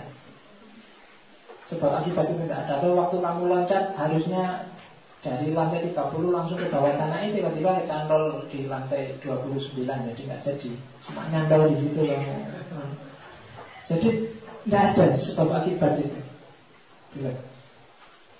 jadi manusia hanya melihat urutan peristiwa. Sebab akibat kalau David Hume ngasih contoh itu sebab akibat itu gambarannya kayak gini loh. Ini musim hujan dingin-dingin. Biasanya banyak orang hamil. Nah, terus kamu simpulkan, oh berarti dingin itu menyebabkan orang hamil. Kan itu kan ada hubungannya, orang cuma memang kebetulan peristiwanya. Baru aja. Dan sering orang berpikir seperti ini, hanya karena peristiwa berurutan terus kamu anggap itu sebabnya. Padahal mungkin tidak. Makanya katanya David Hume, kausalitas itu adalah animal faith, kepercayaannya animal. Ya binatang. Kepercayaan yang naif. Jadi enggak lah. Jangan jangan selalu berpikir sebab akibat kata David Hume. Itu hanya fakta A yang diikuti oleh fakta B itu aja dan dia juga tidak suka tidak percaya induksi Kenapa? Karena induksi itu tidak memadai untuk membuktikan kebenaran. Induksi itu gini loh. Dari peristiwa kejadian kamu mati, dia mati, ini mati, ini mati. Terus kamu simpulkan, oh berarti semua manusia mati. Itu cara berpikir induksi. Bahwa semua manusia mati, iya. Tapi menyimpulkan seperti ini bagi David Hume itu. Kalau dengan melihat ini orang mati, itu mati, ini mati. Berarti semua manusia mati. Tidak mesti, kamu kan belum melihat semua manusia. Jangan-jangan ada satu dua manusia yang tidak mati-mati sejak dulu. Itu induksi kamu lihat peserta pengajian yang sana ngantuk, yang sini ngantuk, yang sana ngantuk. Oh berarti ngaji ini memang bikin ngantuk. Itu kan induksi namanya. Belum tentu, kamu lihat satu-satu. Ada yang nggak ngantuk, ada yang sudah tidur.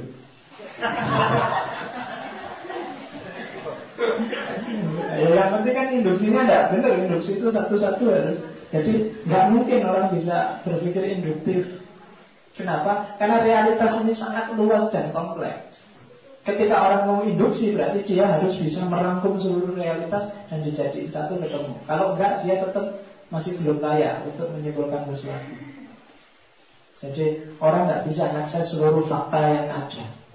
Maka cara berpikir dan itu jangan induksi. Ya meskipun nanti kita bisa debat tentang itu.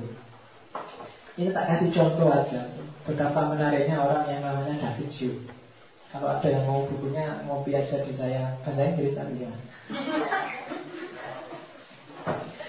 Jadi dia orang yang anti agama. Itu salah satu pandangannya ada dia tidak percaya dengan mukjizat. Itu aja. Alasannya dia yang pertama mukjizat itu tidak pernah dilihat oleh orang-orang cerdas. Ya kan? Untuk zaman Nabi dengan Quran oh indah sekali Quran. Tapi sekarang mungkin biasa kan kalau gitu. Nabi Musa eh, Nabi Isa bisa menyembuhkan orang sakit lepra. Kamu oh sekarang banyak cuma sakit lepra biasa. Nabi Ibrahim itu masuk ke dalam api tidak terbakar. Ah, pemadam kebakaran sekarang bisa kayak gitu. Ya kan kadang lagi oh, itu karena orangnya belum cerdas jadi ya gampang kaku. Yang kedua, biasanya orang itu lebih senang peristiwa yang sensasional, termasuk mujizat. Dari sepanjang itu sejarahnya Nabi kan kamu mesti lebih suka melihat aspek sensasionalnya. Nabi pernah ceramah kayak gini ala bosan tapi begitu Nabi itu bisa membelah bulan Wah itu luar biasa sudah Tongkatnya Nabi Musa itu bisa membelah laut. Itu kan sudah luar biasa. Nabi Musa itu kalau megang ketiaknya Keluar cahaya dari timur ke barat dan lain. Kalau kamu megang ketiak kan keluar.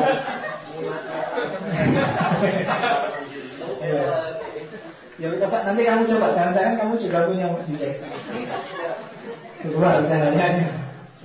Nah, jadi orang karena suka yang sensasional terus di blow up ya kan? Jadi itu orang sering begitu. Dan kalau berita katanya berita itu kan selalu berkembang. Misalnya berita tentang UFO, sebenarnya orangnya cuma cerita, saya tadi melihat cahaya di langit. Oh, terus beritanya, oh dia melihat UFO. Nah, nanti temennya yang satu ganti lagi, dia melihat piring terbang. Nah, yang satunya ganti lagi, dia melihat alien. Nanti yang terakhir bilang dia diculik alien. Padahal awalnya cuma lihat cahaya di langit, tapi beritanya terus berkembang jadi dia diculik alien. Dan itu katanya David Hughes kayak itu karakternya orang, termasuk dalam hal mujizat. Kemudian mayoritas mujizat terjadi ketika ilmu belum berkembang. Begitu ilmu berkembang dan rahasianya ketahuan, kan bukan mujizat lagi. Oh iya, mengobati lepra ya wajar.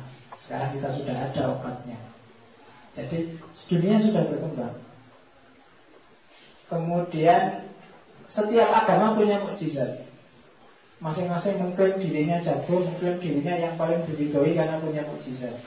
Dan itu ya kalau masing-masing ya susah. Kalau mukjizat itu sudah hanya ada di satu agama saja yang lain nggak ada kan operasi ini yang benar. Tapi semuanya punya mukjizat.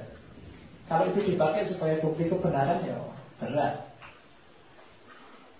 Saya zaman dulu di Iran ada teori bahwa mukjizat itu sebenarnya semuanya ilmiah, hanya prosesnya aja yang dipercepat. Kayak tongkatnya Nabi Musa jadi ular, itu ilmiah.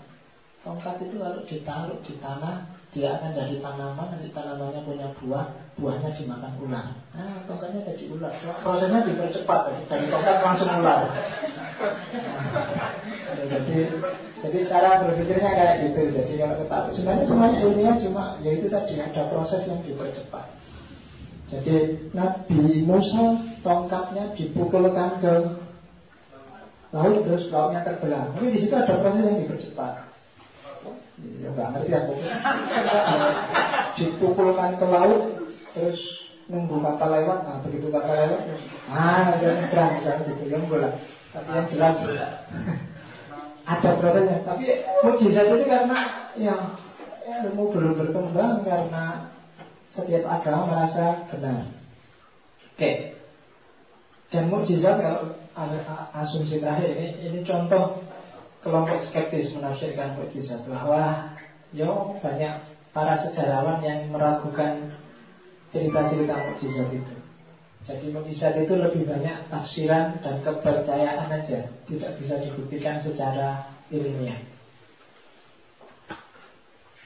Nah, kalau dalam agama skeptisisme itu namanya agnostisisme agnostik. Agnostik itu tidak sama dengan ateis. Kalau ateis kan tidak percaya dengan Tuhan, tidak percaya dengan hal-hal eskatologis, tidak percaya itu ateis. Tapi kalau agnostik itu percaya, tapi manusia tidak akan bisa mampu memahami realitas-realitas seperti Tuhan dan yang sejenisnya. Jadi Allah yang kamu sembah itu mungkin hanya Allah yang ada di kepalamu sesuai konsepmu. Allah yang sejati nggak akan bisa diakses. Kamu nggak akan mampu memahami. Bagi kelompok agamawan agnostik ini dianggap lebih dahsyat dan lebih destruktif daripada ateis. Kalau ateis kan ya tidak percaya selesai. Tapi kalau ini karena bagi dia manusia tidak bisa memahami yang gitu-gitu. Jadi nggak cuma tidak percaya tapi menyalahkan atau mengkritik Jangan-jangan kebersamaan itu kebersamaan yang subjektif Pemahamanmu sendiri Itu kelompok agnostik Bagi kelompok Kalau Immanuel kan bilang ya, Paling tidak ada tiga hal Yang memang sifatnya agnostik. Yang pertama adalah tentang Tuhan. Orang tidak akan bisa memahami realitas yang namanya Tuhan. Yang kedua kebebasan. Susah memahami kebebasan manusia itu bebas apa enggak? Kita berat sekali analisis. Di Islam itu Qadariyah Jabariyah enggak selesai hingga ini. Dan yang terakhir keabadian. Keabadian itu hidup sesudah mati. Susah membuktikan hidup sesudah mati. Karena tidak ada orang mati yang kembali dan cerita. Ya kan? Tahu ada mati suri. Cuma ya ceritanya berbeda mati suri itu. Tidak ada orang mati suri yang bilang, oh ya saya ketemu Tuhan sudah salaman dan nggak ada. Dan itu kan nggak bisa membuktikan. Paling balik saya melihat cahaya, ya apa ini gitu bayangkan. Tidak ada orang yang benar-benar gimana ya. Jadi hanya Tuhan kebebasan kepada ini berat katanya Emmanuel kan. Meskipun nanti selanjutnya kalau bagi Immanuel kan tiga-tiganya harus ada demi moralitas. Orang harus bermoral kan nanti kalau masuk bab etika kita akan ketemu moralitasnya kan yang namanya moralitas deontologis jadi moralitas itu ya kewajiban panggilan jiwa nah untuk bisa disebut bermoral kan orang butuh kebebasan orang tidak bisa disebut bermoral kalau dia tidak bebas kalau kamu maling karena terpaksa, saya terpaksa pak diancam orang pak kalau nggak mau maling saya dibunuh kan kamu nggak salah malingnya. Maka untuk bisa disebut baik atau tidak baik kamu harus bebas.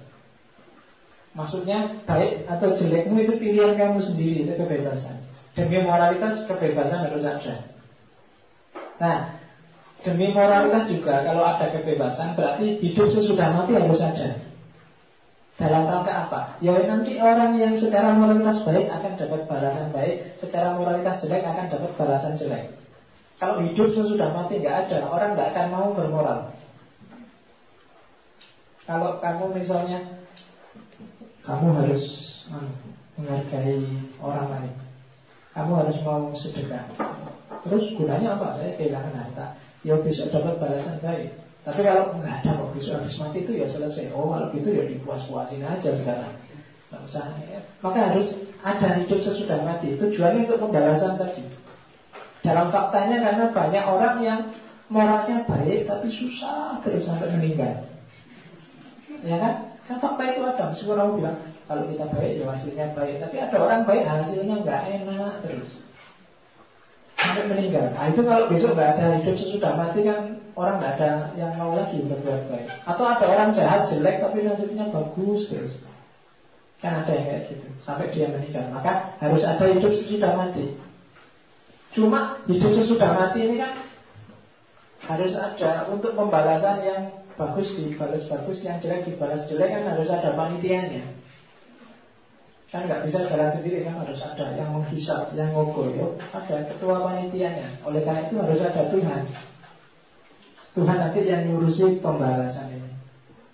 Jadi tiga-tiganya harus ada demi moralitas. Itu kalau dimanualkan.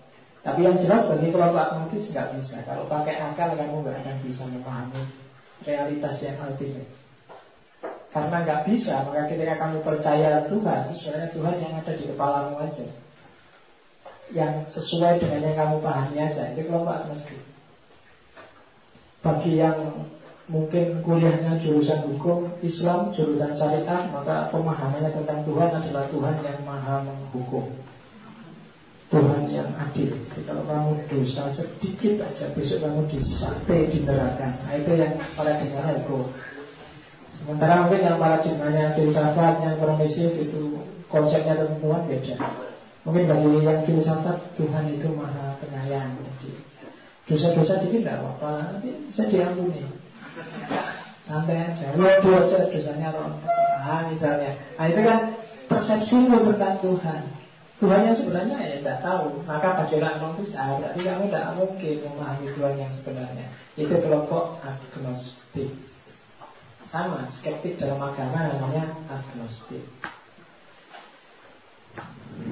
Oke, nah terakhir sebelum dialog menurut kemalaman susah. Jadi skeptisisme itu yang tadi saya bilang konotasinya banyak orang bilang negatif, tapi sebenarnya tidak. Ya bisa positif, bisa negatif. Kalau kita tidak percaya bahwa manusia bisa memperoleh pengetahuan yang pasti, itu secara positif bisa menumbuhkan kamu sikap rendah hati, tidak sombong, tahu batas. Itu positifnya. Jadi, ya kayak peribahasa, semakin berisi semakin menunduk. Semakin wawasanmu luas, semakin kamu tahu, eh ternyata saya itu ilmunya sedikit ya mas ya. Itu positifnya. Negatifnya Orang yang berpandangan kayak gini biasanya kadang-kadang terus dia jadi menyalahkan orang terus. Alah, pikiranmu kayak gitu itu relatif. Itu kan menurut kamu, menurut saya bisa beda. Sering-sering gitu, jadi sumber masalah. Jadi nggak percayaan. Kalau diajak debat mesti marahin ngantor. Jadi ngeyel sudah jelas salah tapi masih bilang itu kan menurut kamu itu realitas itu tidak bisa pasti jadi senengannya nyalahin loh kemudian kalau yang jenis kedua tadi kita bisa kok punya pengetahuan tapi sering-sering meleset sering tidak pas. Pengetahuan indrawi itu sering menipu. Orang jadi tidak kritis. Nah oleh manfaat positifnya adalah kalau kamu tidak percaya dengan kamu bisa punya pengetahuan yang pasti, itu bikin kamu mengejar terus yang lebih baik. Hari ini kamu tahu ini baik, tapi saya terbatas, pengetahuan itu terbatas. Mungkin ada yang lebih baik nanti coba tak cari lagi.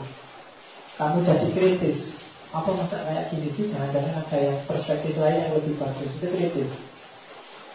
Tapi kalau kamu gitu terus, kamu juga bahaya secara psikologis. Karena orang hidup di titik tertentu juga butuh kepastian-kepastian. Maka kamu harus sangat cerdas menyikapi fenomena skeptisisme itu. Karena kalau kamu kehilangan sama sekali skeptisisme, hidupmu jadi nggak kritis. Tapi kalau kamu total jadi orang skeptis, juga hidupmu jadi nggak nyaman.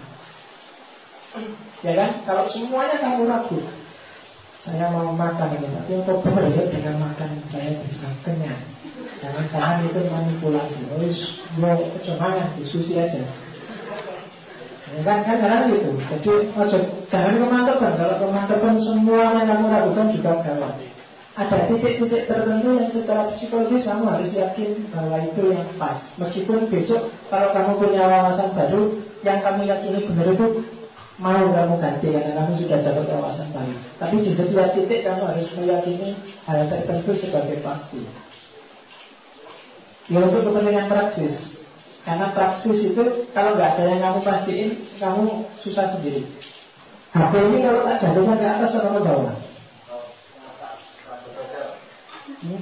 Ya kan? Kamu kan pasti ke bawah Pak.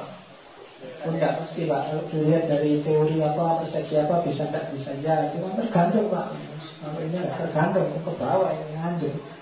Jadi ada aspek-aspek yang ya sudah itu itu diyakini benar. Meskipun kamu terus membuka pikiran, siapa tahu ada wawasan baru yang temuan baru yang pengetahuan baru yang merevisi pengetahuan ulama yang tadi yang menganggap pasti untuk meminimalisir dampak negatifnya skeptisisme. Tapi kamu tetap harus mau untuk meragukan, mau untuk skeptis. Kenapa? Karena orang yang tidak meragukan berarti dia tidak mau mikir. Kalau orang menganggap semuanya pasti biasanya ya dia tidak mau mikir. Dan setiap temuan itu dimulai dengan meragukan, mempertanyakan. Kamu tidak akan jadi orang kreatif kalau nggak mau tanya. Kalau manut saja apa adanya.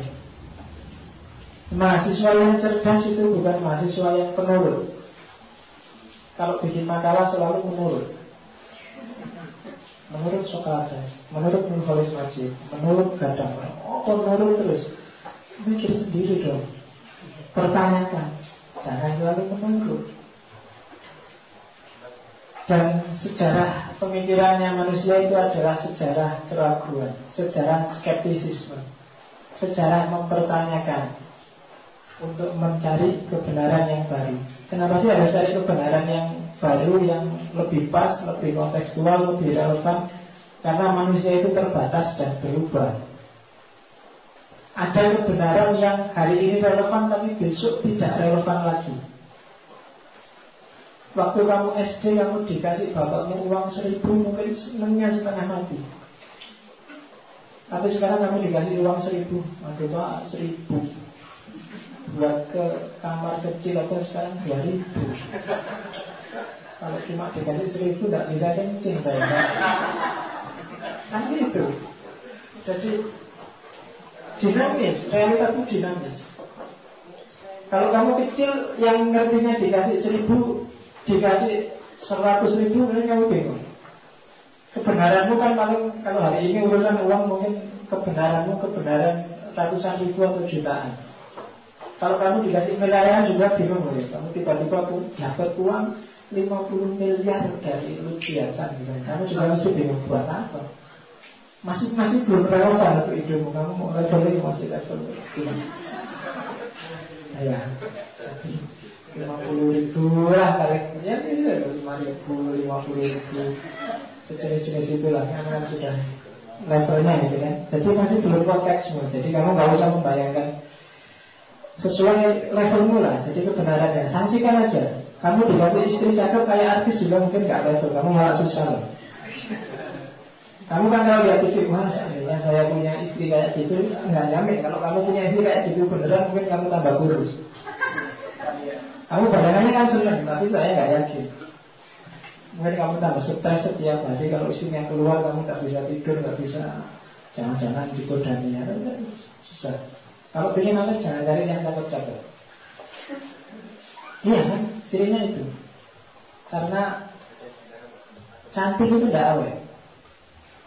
Cantik itu kalau mudanya cantik tua mesti jadi jelek. Tapi kalau jelek itu apa?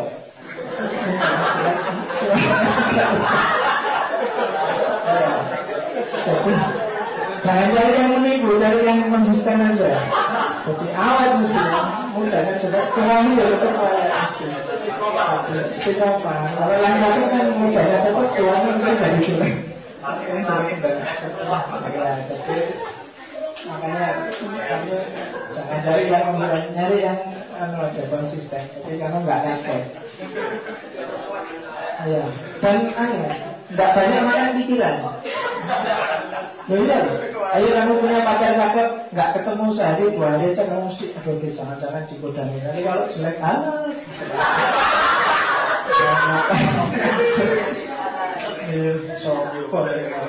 Oke, itu pengantar saya. Masih ada waktu sekitar 20-30 menit untuk kita dialog tentang skeptisisme. Silahkan. Tanggapan, pertanyaan Hari ini sudah skeptis. Minggu depan kita masuk ke Common sense dan epistemologi sosial. Kali ini kan karena subjektif, skeptis.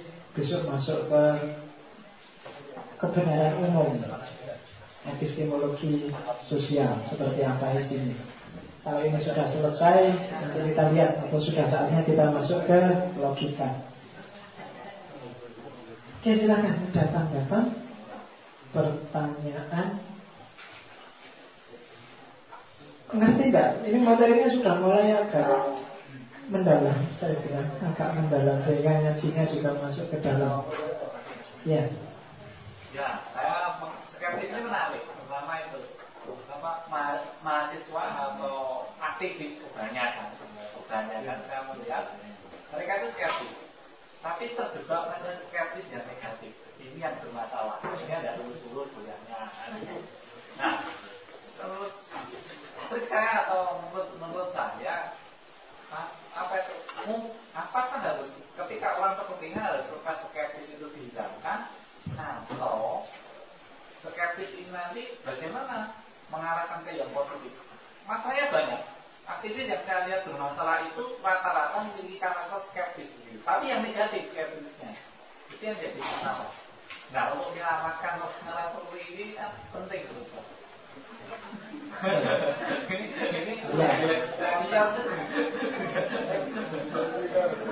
Secara praktis kamu harus skeptis tapi jangan apatis.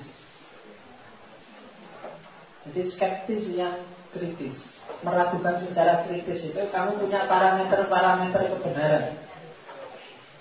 Jadi tidak total nihil.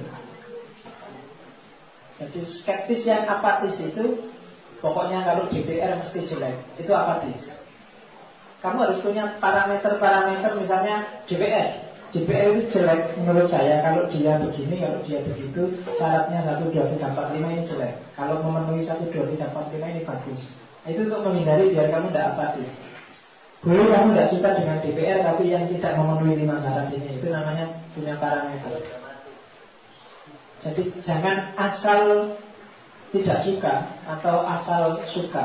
Asal suka dan percaya 100% itu nanti jatuhnya apologis atau dogmatis. Asal tidak suka itu kadang-kadang jatuhnya adalah apatis. Jadi apatis. Ini dari siapa? Dari PKS. Ah, sudah enggak. Kalau PKS itu jelek. Nah itu apatis sudah. Tidak percaya lagi. Barat apatis, anak kalau Islam mesti teroris itu sudah apatis. Allah kalau demo mesti susah, nyusah-nyusahin orang. Apa sih gunanya demo? Nah, orang sudah mulai apatis terhadap demo.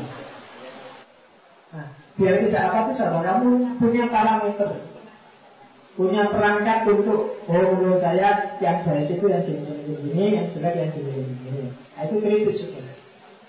Kamu punya kerangka berpikir, tidak total anti atau total setuju. Nah, gitu. Nah, kalau aktivis, aktivis itu pokoknya penguasa ya dianggap jelek. Nah, itu berarti dia nggak punya parameter. Dia harus punya konsep. Menurut saya penguasa yang bagus dia harus A, B, C, D, Sementara yang jelek cirinya D. Begitu saya melihat penguasa punya ciri jelek, ya tak suka. Tapi kalau ternyata cirinya bagus, oke, okay, saya tak dukungkan gitu.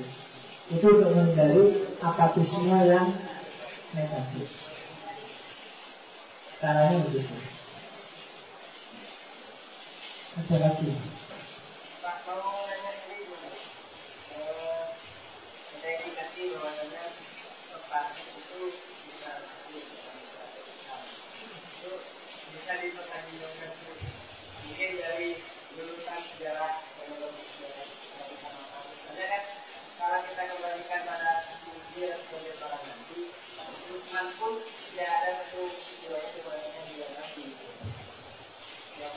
oke. Kalau ada waktu enak ya kita bahas itu. Ini ada bukti sebenarnya Katanya dulu mau diterbitkan mizan Itu penelitiannya profesor dari Malaysia. Antara ini punya itu Bahwa Jangan-jangan memang Socrates itu Al-Quran menyebutnya Lukmanul Hakim Karena dia Ya, banyak kan nama-nama tokoh yang begitu masuk Al-Quran itu istilahnya berubah. Lukman itu, Lukman Hakim itu kan seolah kayak julukan. Kalau kamu anggap dia saudara, Lukman itu kan julukan orang yang menelan. Kalau Hakim itu orang yang bijaksana.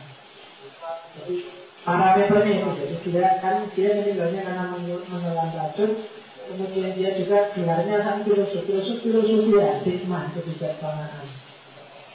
Yang kedua, dalam sejarah intelektual manusia, yang paling dikenal orang sebagai ibro, sebagai pelajaran, orang yang meninggal karena diracun itu sebagai dan kalau Islam Lukman Hakim Lukman Hakim itu kalau kamu baca pakai racun meninggalnya karena diracun ada indikasi ke situ. Cuma ia masih panjang. Makanya tadi saya bilang ini tesis. Coba dicek lagi. Saya baru dapat kiriman buku dari teman yang ada di Iran.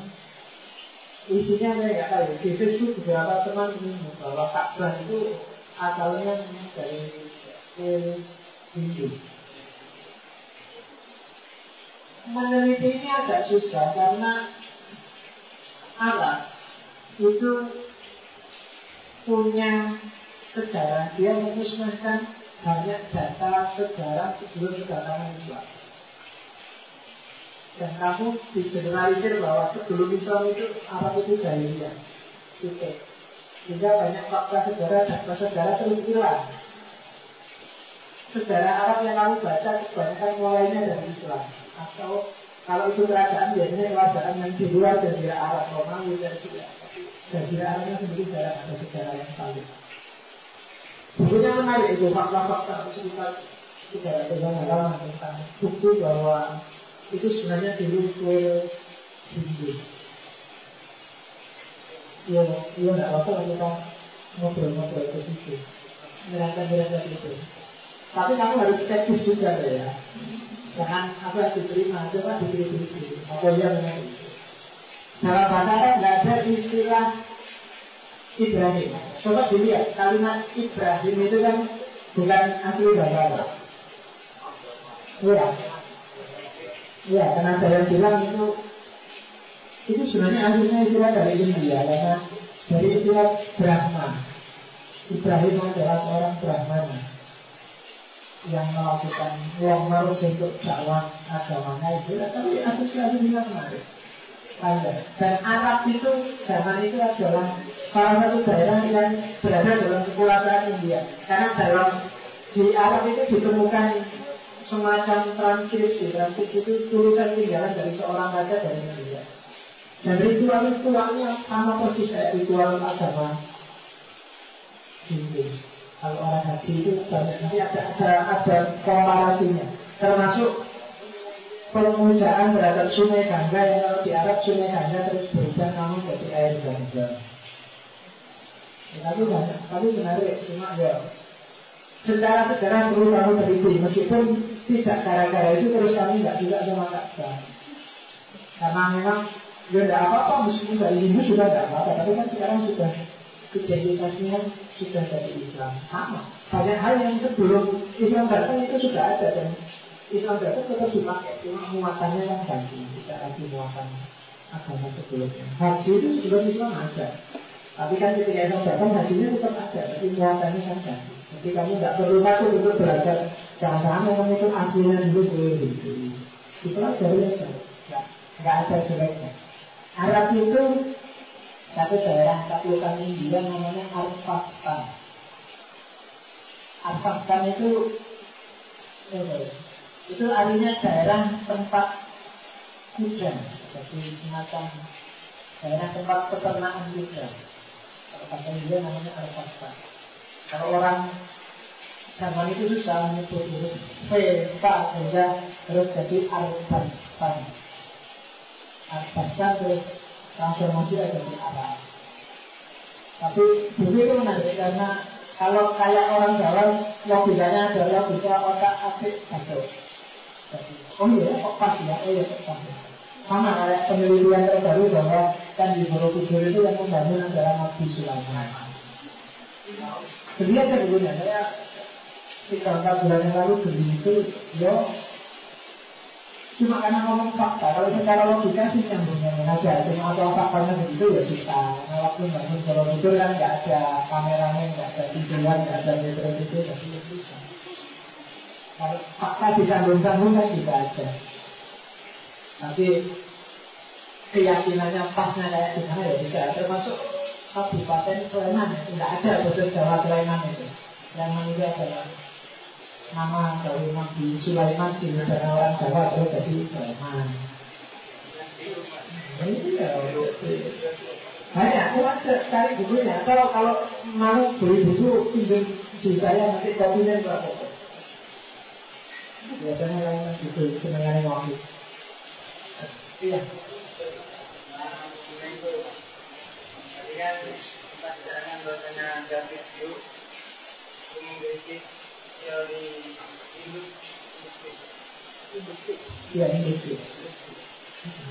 Sementara ketika kita lihat David ini mengkritik mujizat, itu banyak teori-teori induktif. Makanya ketika malaikat mujizat adalah setiap agama dan agama mempunyai tidak. Ya, justru dia di situ sehingga dia tidak percaya dengan mujizat karena sangat variatif. Di sini ada, di sini ada, di sini ada. Kalau induksi kan terus disimpulkan. Kalau dia nggak mau menyimpulkan ke induksi, ada banyak dan macam-macam berarti nggak ada satu pun yang benar.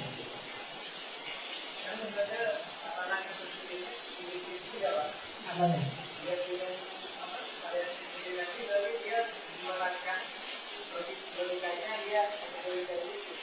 Enggak. Ini dia ada ada mujizat. Jadi nggak ada itu mutlak.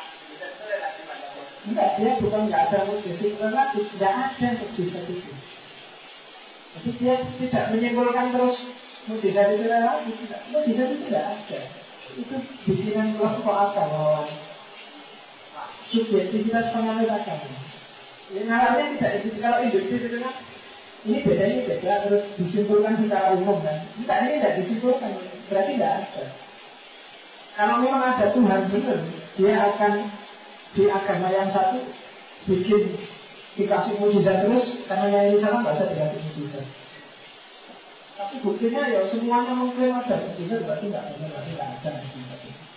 Hanya orang-orang yang tidak cerdas dan nyari sensasi kan itu dari argumen yang atas ini tidak pernah dibuktikan oleh orang yang cerdas dan orang suka yang sensasional berita sepenggal bagi segala orang cuma bilang lihat cahaya. Terus kamu bilang dia habis lihat UFO orang cuma bilang dia habis lihat UFO kamu bilang dia lihat piring terbang. Orang cuma bilang piring terbang. Kamu bilang dia habis lihat alien. Orang bilang alien, dia, kalau orang bilang dia habis diculik alien. Tapi cuma lihat saya. Itu yang dia bilang adalah secara empiris tidak mungkin ada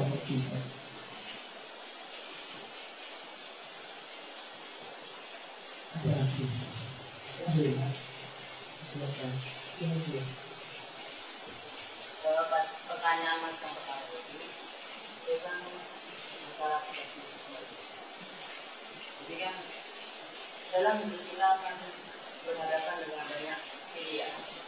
Pilihan kita itu ditentukan oleh benar tidaknya oleh berapa kuat barometer yang ada di benak kita. Artinya kawasan kita itu sangat berbeda.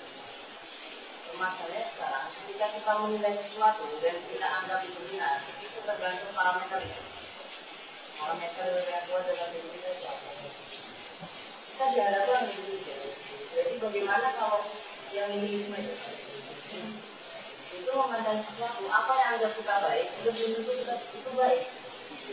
Dan sekian pilihan-pilihan yang kita anggap itu baik, kemudian kita berposisi di sana, belum tentu itu baik. Jadi itu salah.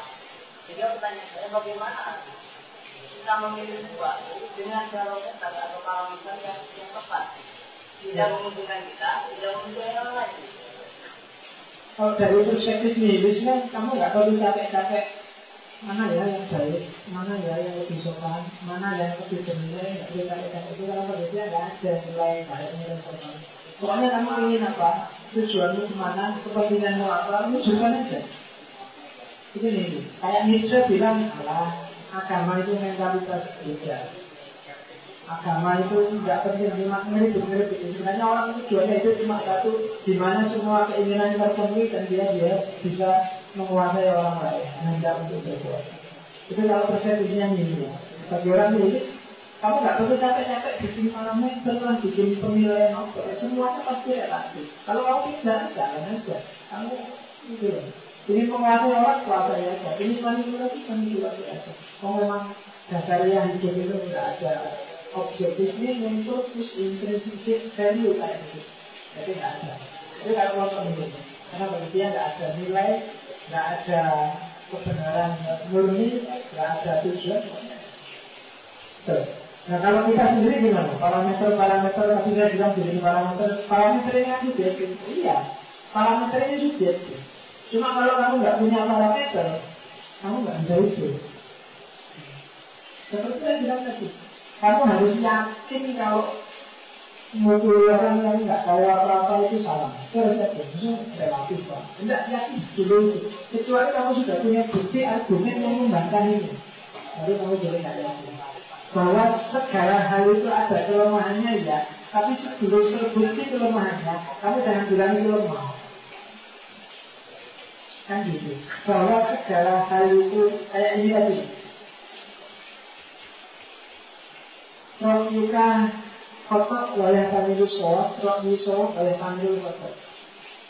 Sebelum saya tahu salahnya pandangan itu, ya saya yakin ini benar. Tapi kalau saya tidak tahu kelemahan, ya saya yakin dengan melakukan. Cara berbeda begitu. Saya bikin parameter untuk itu. A, B, C. Ini yang pas, ini yang enak, ini yang benar. Selama saya belum nemu ada yang lebih baik dari ini, ya saya masih pakai ini bahwa ini ada kelemahannya ya lah saya tahu saya manusia cuma sampai detik ini saya belum nemu kelemahan nah, kayak gitu cara cara membacanya Yo, yang penting kan kita tidak sampai diri kecuali kamu mau jadi orang nihilis. Kalau nihilis nggak pakai itu kepedulian lah. Orang jadi-jadi pakai dalil lah, pakai kesopanan atau apa ujung-ujungnya yang ekonomi kayak emak tadi alam membunuh kronik ya ujung-ujungnya kayak bayi jadi caranya kayak gitu mas jadi kita kan punya parameter-parameter kebenaran dalam diri kita yaitu yang inilah meskipun sambil terbuka terbuka dalam arti saya tahu saya manusia yang terbatas ada hal-hal yang saya nggak nyampe ada hal-hal yang saya nggak paham ada hal-hal yang saya keliru cuma sebelum saya tahu yang keliru apa yang terbatas apa yang tidak pas apa, ya saya masih yakin ini. Sehingga apa? Kamu yakin tapi terbuka. Tidak tertutup. Yang bahaya itu, kamu yakin sesuatu benar dan kamu tertutup. Itu biasanya orang yang merasa benar dewi. Itu dia merasa semuanya barang lain yang benar. Ini kok yang benar yang selesai. Itu di situ. Itu biasanya sumber konflik baik konflik psikologis maupun konflik sosial. Bagi dirimu sendiri tertutup itu sudah tidak kondusif. Kalau kamu sudah nemu fakta bahwa sebenarnya pendapat saya kayak gini ini keliru, ah tapi masa saya harus berselisih gengsi ah sudah termasuk akan ada yang kayak gitu. Debat lama terus, oh ya sebenarnya orang bicara aku ini lebih benar. Tapi masuk aku kalah, filsafat kok kalah. Nah, itu sih sudah kawan. Jadi boleh kamu merasa benar tapi jangan tertutup. Begitu kamu tahu, oh ternyata saya salah di sini, tidak pas di sini, keliru di sini, ya direvisi. Caranya seperti itu. Kamu boleh ikut kelompok, ikut aliran, tapi juga harus fair dan terbuka. Kalau kamu lihat, eh kelompok ini, kelompok ini keliru, kelompok ini, itu, ya kamu harus terbuka untuk ngakui, mengkritisi kelompokmu. Eh menurut saya kita kayak gini tidak pas, tidak apa-apa. Kalau nggak gitu kita nggak naik kelas. Makanya dulu para pembaharu kan semboyannya bukan lagi pintu istihad. Karena begitu pintu istihad ditutup, kebenaran dianggap final. Ya kita merosot juga macet. Kenapa macet? Karena yang lain maju. Umat Islam gitu. Kenapa umat Islam mundur ya? Karena kiblatnya ke belakang. Loh ya kan? Kan banyak wanita kiblatnya adalah kehidupan Nabi. Loh, yo, ya tidak apa-apa kamu niru Nabi, tapi kalau kiblatnya ke sana terus ya nggak maju-maju. Realitas berubah. Kiblat ke Nabi boleh semangatnya, visinya, ajaran-ajaran dasarnya, tapi dalam banyak hal harus dilakukan kontekstualitas disesuaikan dengan zaman. Karena Nabi haji naik onta kan bukan berarti sekarang kita juga harus naik onta.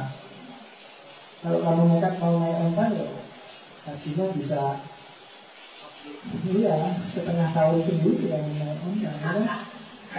Kalau Nabi makan pakai tiga jari ya tidak harus terus Nabi makan pakai tiga jari ya. Terus kamu pilih tujuh terus makan tiga jari.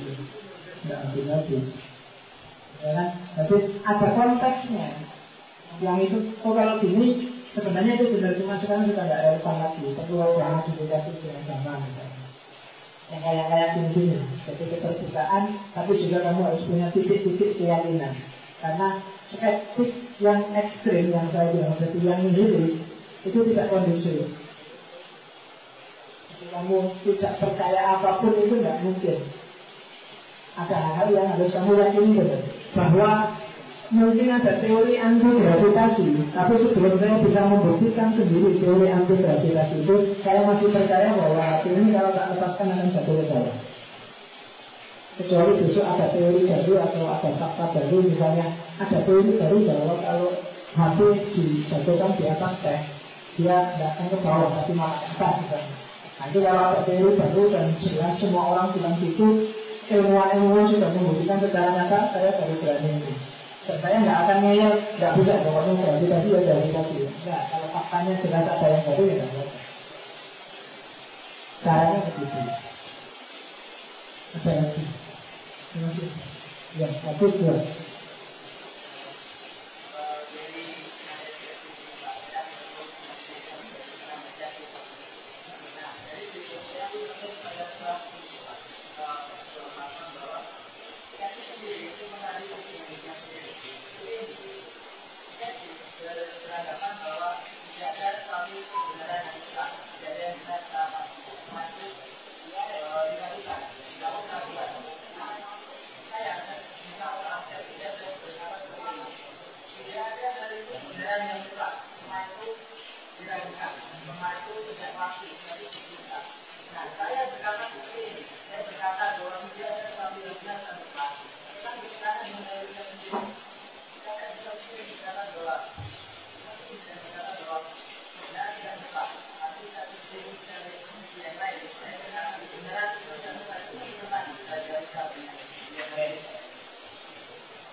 Kamu ngomongkan itu kalau dalam filsafat namanya tautologi. Tautologi itu itu cuma boleh saja, tidak praktis. Kayak saya bilang, semua yang di ruangan ini, ini baru saya contohkan itu. Semua yang di ruangan ini itu pembohong. Kalau semua yang di ruangan ini pembohong, berarti saya juga termasuk kan, berarti saya juga bohong. Kalau saya bohong, berarti kan yang saya omongkan itu keliru. Kalau saya ngomong semua yang di ruangan ini pembohong, karena saya pembohong juga, berarti, berarti maksudnya kebalikannya kan, yang saya pembohong. Berarti semua di ruangan ini jujur. Kalau semua yang di ruangan ini jujur, berarti saya kan sudah termasuk orang jujur. Kalau saya berarti jujur, berarti yang saya omongkan jujur dong. Tapi kan saya ngomong semua yang di ruangan ini pembohong. Berarti yang di ruangan ini akhirnya pembohong itu buta. Itu namanya tahu itu. Demokrasi, karena kita demokrasi, maka kita harus menoleransi semua gerakan yang anti demokrasi. Nah, itu kan tahu tahu teori. Kalau dalam filsafat namanya apa? Meta bahasa dan meta bahasa. Jadi urutannya cuma bahasa itu. Secara praktek tidak bisa. Secara praktis harus ada titik Misalnya, kalau saya demokrasi, berarti saya harus tidak setuju dengan anti demokrasi. Dan itu tidak disebut tidak demokratis. Harus ada, ada titik di situ sama. Kalau saya tidak setuju, kalau saya setuju skeptisisme, berarti semua pengetahuan tidak pasti. Termasuk skeptisisme juga kan itu mau. Iya. Dari sisi itu, itu namanya kalau kalau timbul secara praktis nyata skeptisisme ya berarti semua itu skeptisisme kan cuma asumsi teoritis belum ada isinya yang isi kita oke. Ya kalau begitu skeptis bisa juga salah ya bisa saja. Arahnya skeptis apa kepastian kan? Tapi kepastian kan bisa keliru juga. Jadi kalau semuanya bisa keliru kan akhirnya kalau jadi nihilis jadi itu jenis skeptisisme tapi skeptisisme kan benar. Bukan itu boleh kan? Nah, itu namanya tahu. Sebenarnya itu permainan bahasa. Dalam praktek ada satu titik awal dan jadi tidak awalnya. Kalau muter itu nanti tidak ada keputusannya. Orang yang demokratis harus mengalir semua pendapat. Tapi dia juga harus anti orang yang tidak demokratis. Karena begitu dia tidak anti dengan yang tidak demokratis, ya dia berarti tidak konsisten. Secara koherensi dipertanyakan oleh dia. Kan gitu. Ada lagi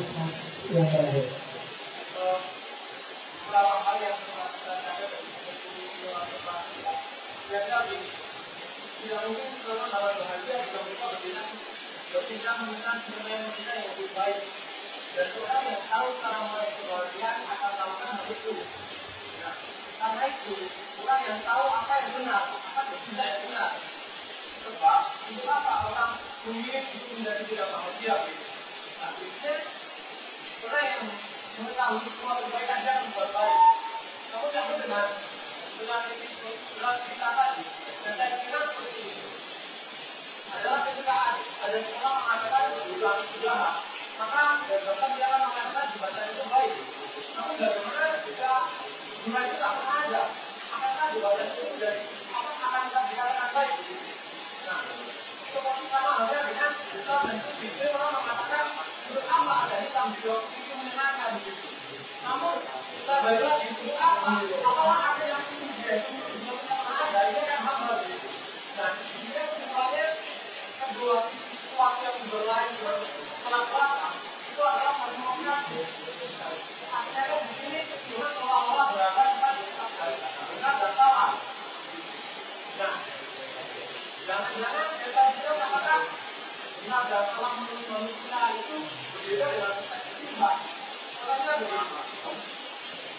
Dijawab hal itu dengan menggunakan.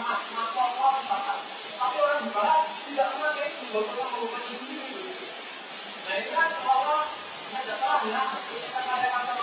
sendiri. Nah ini jadi Tuhan itu awan atau kawan? Kamu saat kita belajar pada Tuhan, juga mencoba untuk dijelaskan. Kita tidak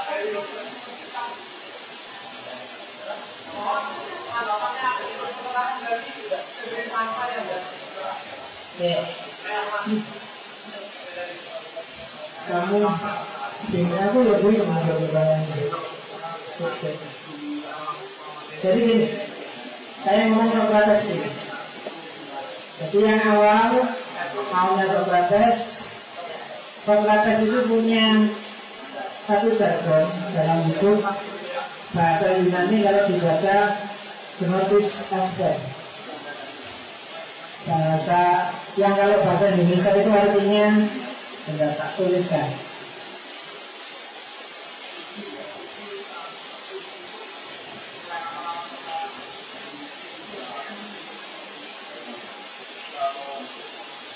Gnotis Aspect itu artinya tujuan hidupnya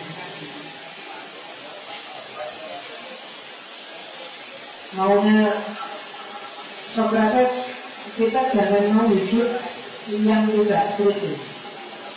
Tidak kritis itu tidak teruji. Coba kita uji hidup kita mana yang pas, mana yang baik, mana yang benar. Sampai kita ketemu. Dan harus ada titik parameter kita ketemu atau belum ketemu. Karena kalau nggak ada ini berarti nggak ada gunanya kita berusaha. Makanya ini dengan parameter. Ada titik kita punya ukuran, oh ini yang lebih pas, oh ini yang pas. Nah, ketika kita sudah tahu, oh ini yang benar, ini yang pas. Kemudian harusnya kita mengikuti atau melakukan yang kita anggap benar dan pas itu. Nah, ini sudah masuk etikanya. Kalau kita nggak melakukan, yang kita anggap benar itu berarti kita bodoh. Ya saya bilang tadi kita kayak orang diri. Kenapa? Begitu kita tidak melakukan yang kita anggap benar, kita menyakiti diri kita sendiri. Kita akan kalau bahasanya kalau kita akan terasing dari diri kita sendiri. Hatimu bilang ini baik dan pas, tapi praktekmu bilang dan nggak usah gitu nambah capek. Maka ada jarak antara ideal yang kamu anggap benar dengan praktek nyata. Itu yang menyiksa. Maka hanya orang bodoh yang tidak menjalankan yang dia anggap benar atau menjalankan yang justru dianggap keliru. Oh, itu maunya Socrates. Yang kedua, bagi kelompok skeptis, kenapa sih dia tidak percaya ada pengetahuan yang benar dan baik secara universal? Karena begitu namanya pengetahuan, itu pasti berhubungan dengan manusia. Yang tahu itu kan manusia, subjek. Meskipun itu tentang Tuhan. Kamu tadi bilang, ini kan persepsinya manusia Pak. Kalau persepsinya Tuhan mungkin beda. Mungkin beda, tapi kita tidak akan pernah tahu persepsinya Tuhan. Yang kita tahu kan persepsi kita sendiri, jangan kan tentang Tuhan. Persepsinya orang lain saja kita kadang-kadang nggak nyambung kita. Ada pertentangan Pak antara persepsi saya dengan persepsi Tuhan.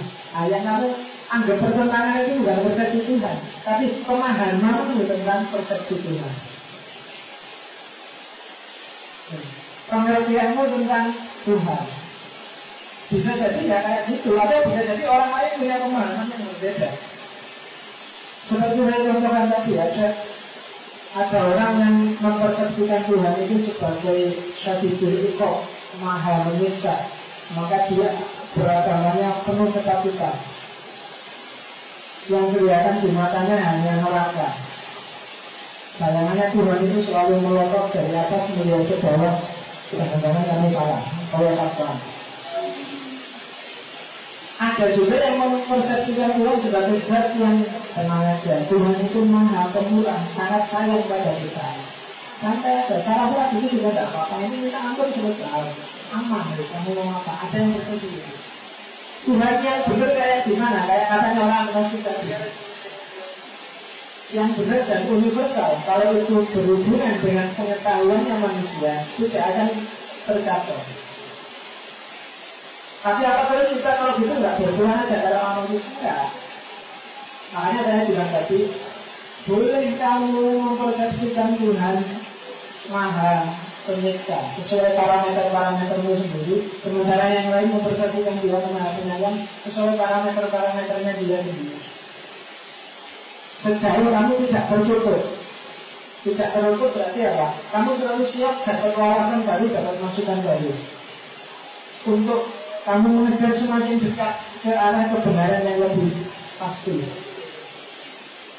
Apakah bisa namanya pasti? Tidak bisa karena manusia terbatas. Tapi semakin mendekati kepastian bisa. Semakin mendekati universalitas bisa. Mulai zaman Yunani sampai hari ini itu kan orang wawasannya semakin tambah, kebenarannya juga semakin dalam, semakin dalam, semakin luas, semakin luas, selalu begitu. Jadi pikiran-pikiran orang zaman Yunani mungkin kadang-kadang terdengar lucu, tapi di zaman itu sudah luar biasa. Tapi orang kan semakin berkembang, semakin berkembang. Jadi hari ini semakin kompleks. Kalau kamu membaca pikiran orang masa lalu dengan hari ini mungkin kamu ketawa. Bisa ya pikiran itu? Kadang-kadang gitu. Karena memang ini human business, kedudukannya manusia. Jadi kamu tidak perlu cerita dengan skeptis tetap tentang bedanya apa ya Pak pengetahuan manusia dan pengetahuan Tuhan. Tidak semuanya pengetahuanmu. Pengetahuan Tuhan menurut kamu kalau itu pengetahuan Tuhan. Iya.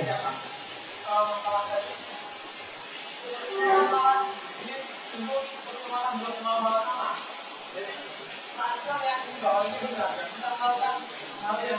kita. Namun kita. Nah,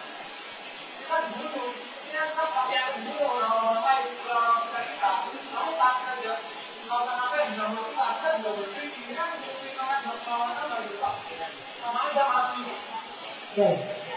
Untuk hubungannya sama orang lain minggu depan kita lihat di common sense atau epistemologi sosial. Nanti logikanya sudah beda lagi hubungan sama orang lain. Beda bukan berarti sama itu. Kamu dapat wawasan baru itu justru kalau kamu terbuka terhadap orang lain. Kalau kamu tertutup menyendiri, ketika kamu merasa dirimu ini yang benar sendiri, itu justru yang namanya tertutup. Kamu harus memang membuka pada orang lain. Kamu harus dengar jangan orang lain punya kebenaran yang lebih, punya kebenaran yang berbeda, punya wawasan yang beda.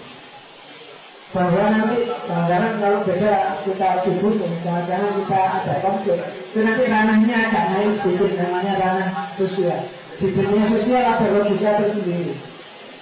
Kalau ini logikanya masih logika individual. Skeptis itu aktivitas individu. Ada lagi. Nah, ini bagaimana yang tak jelasin yang, yang logika sosialnya. Sudah ya, sudah jam 10, hujannya semakin deras. Ya, Alhamdulillah, tema kesekian sudah selesai. Ketemu lagi minggu depan ya, insya Allah dengan epistemologi sosial dan common sense. Saya Lucian. Assalamualaikum warahmatullahi wabarakatuh.